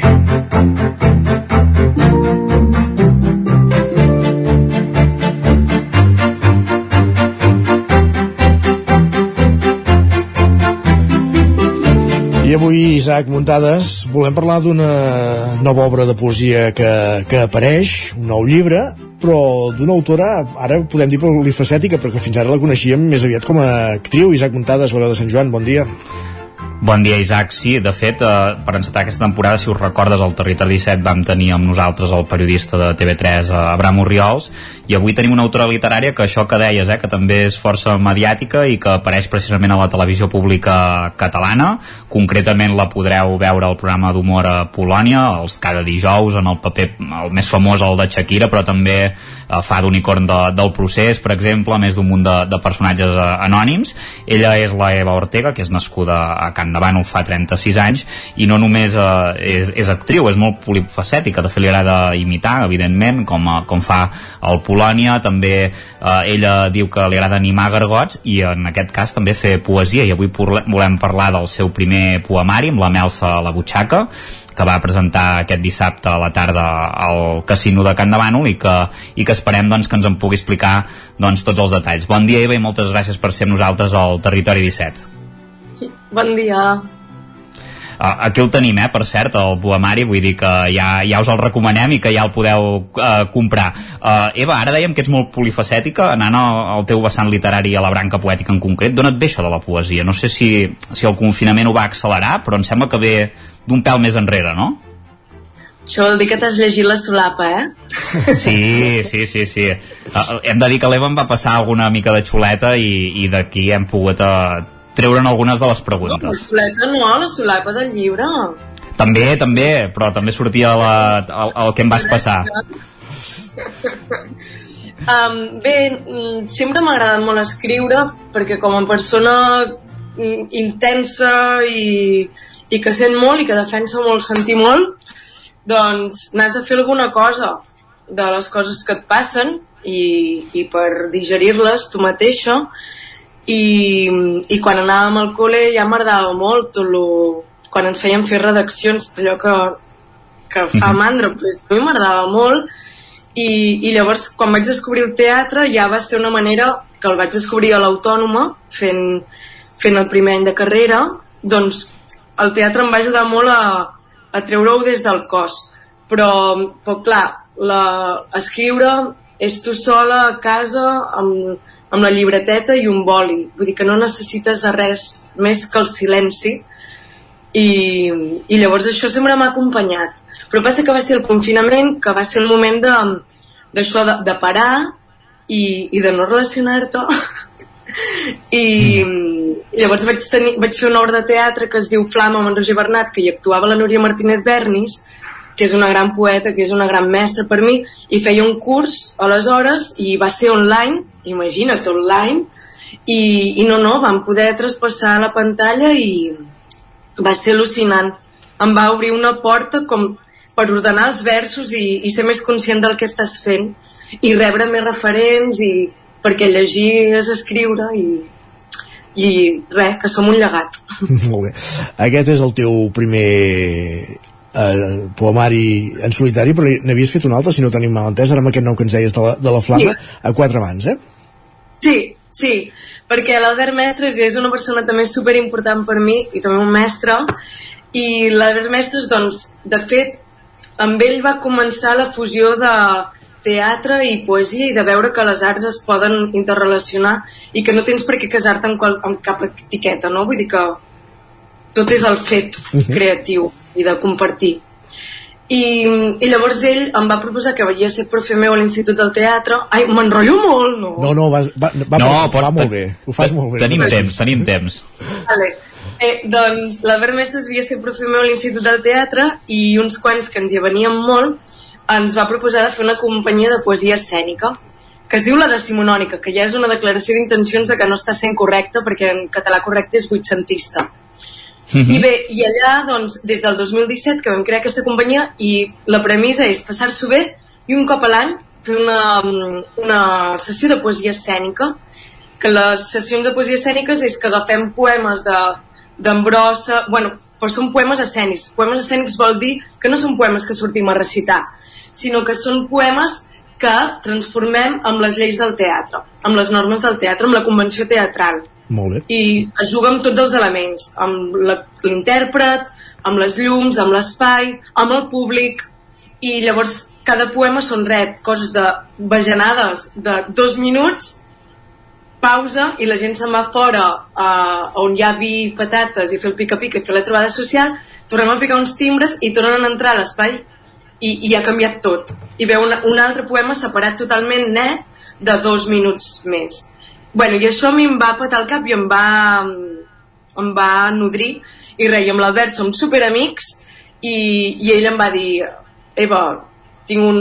No, perquè jo vaig començar uh, transformant uns seus poemes últims perquè li vaig dir envia'm material teu de poemes que els, estic provant el, la tècnica del gravat amb les gúbies i tal Uh -huh. i que és també girar la ment perquè treballes des del negatiu de la imatge fent, escarbant la imatge sí, el buit és el que dibuixa és el que fa el gravat. Llavors li vaig dir, envia'm poemes. I em va enviar aquest poemari que es diu Flama i jo vaig començar a fer pa, pa, pa, i ell té una editorial petita que es diu La Vertebral i, i res, i ho vam publicar. Molt bé. i és un diàleg entre imatge i, i versos i després del Flama, ara ho dèiem, eh, amb la Melsa a, a la butxaca, que a més a més hem de dir, Eva, que no ho hem dit, eh, que és Premi Comercingo Mila 2023, vull dir que ja, ja has guanyat un premi. Um, sí. Per entendre aquest poemari, sembla una cosa òbvia, però què és la Melsa i com la relaciones amb la, amb la teva obra? Sí, um, la Melsa, um, jo crec que va aparèixer la Melsa per no parlar del cor, perquè sempre estem amb el cor, el cor trencat.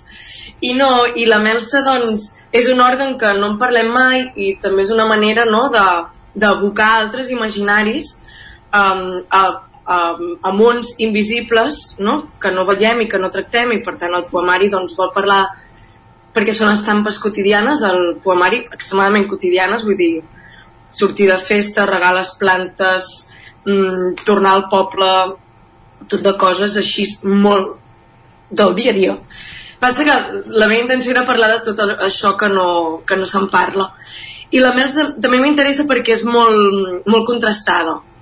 La Melsa, podem viure sense la Melsa, i alhora, per tant, és com, bueno, quina lleugeresa. Res és com l'apè- important. l'apèndix, no?, també, que si no el tenim... Sí, sí, sí exacte, apendicitis. I, mm, I la Melsa, si se't rebenta, doncs ja pots anar ràpidament a l'hospital perquè de tant de sang que perdràs, malament rai, perquè se't pot acabar la vida. Per tant, és una cosa super tràgica també. Llavors aquest contrast complementari per mi és l'expressió de la vida. Està I llavors em sembla interessant també. Eva, ens I també la poc del sang, també una altra excepció del diccionari, segons el Covell Moll, és una, un amulet, bueno, per mi seria com un Mhm. amulet, és una amuleta en forma de cor, en forma de cor, que es guarda a la butxaca, i llavors és com, mira, també pot, és, pot ser com un amulet que, que va amb tu a la vida i renova les essències i les coses, perquè tot es va Mhm. transformant sempre. Uh, com que en que, ens queda poc temps, Eva, t'agrada xerrar, eh? ho hem vist, eh? que t'agrada explicar-te, i està molt bé, eh? Uh, eh comentaves això, eh? Tenim... Uh...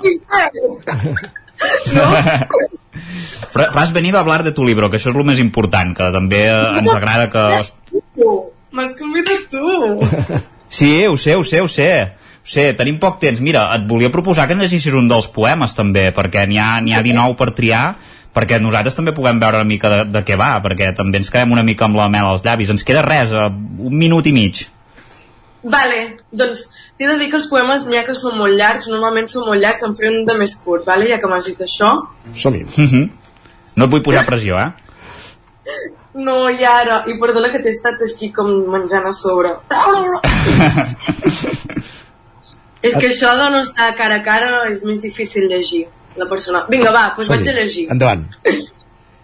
A totes vosaltres de cos endins, que crideu contra els ossos, feu grafitis a les venes i poseu bombes a cap i cor, s'ha fet urgent la trobada.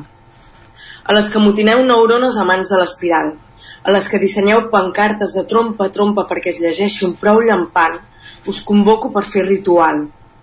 A les que segeu amb les cordes vocals per cantar el lema d'autoodi, polifònic i diabòlicament afinat, a les que tireu gasos lacrimògens quan em menyspreen a la feina o a l'endemà de follar, vindreu al ritual? Les que salteu els somnis amb pilotes de goma, fuam de culpabilitat. Les que cremeu els contenidors, fets, fets inflamable, mels irritable, també esteu convidades. Em diu una dona per cada poros de l'orella repetint. No has donat tot el que podies. Segur que has fet alguna malament. T'has passat. A totes les que habiteu en mi, es prega confirmació. Gràcies, Eva. Ho hem de deixar aquí. Uh, gràcies per l'energia també amb aquesta entrevista i per aquest poemari. Que vagi tot molt bé. Bon dia. Moltes gràcies a vosaltres. Que bé. Moltes gràcies, Moltes Eva. Gràcies, Gràcies també, Isaac. Fins demà. Adéu, bon dia. Amb el suport de la xarxa.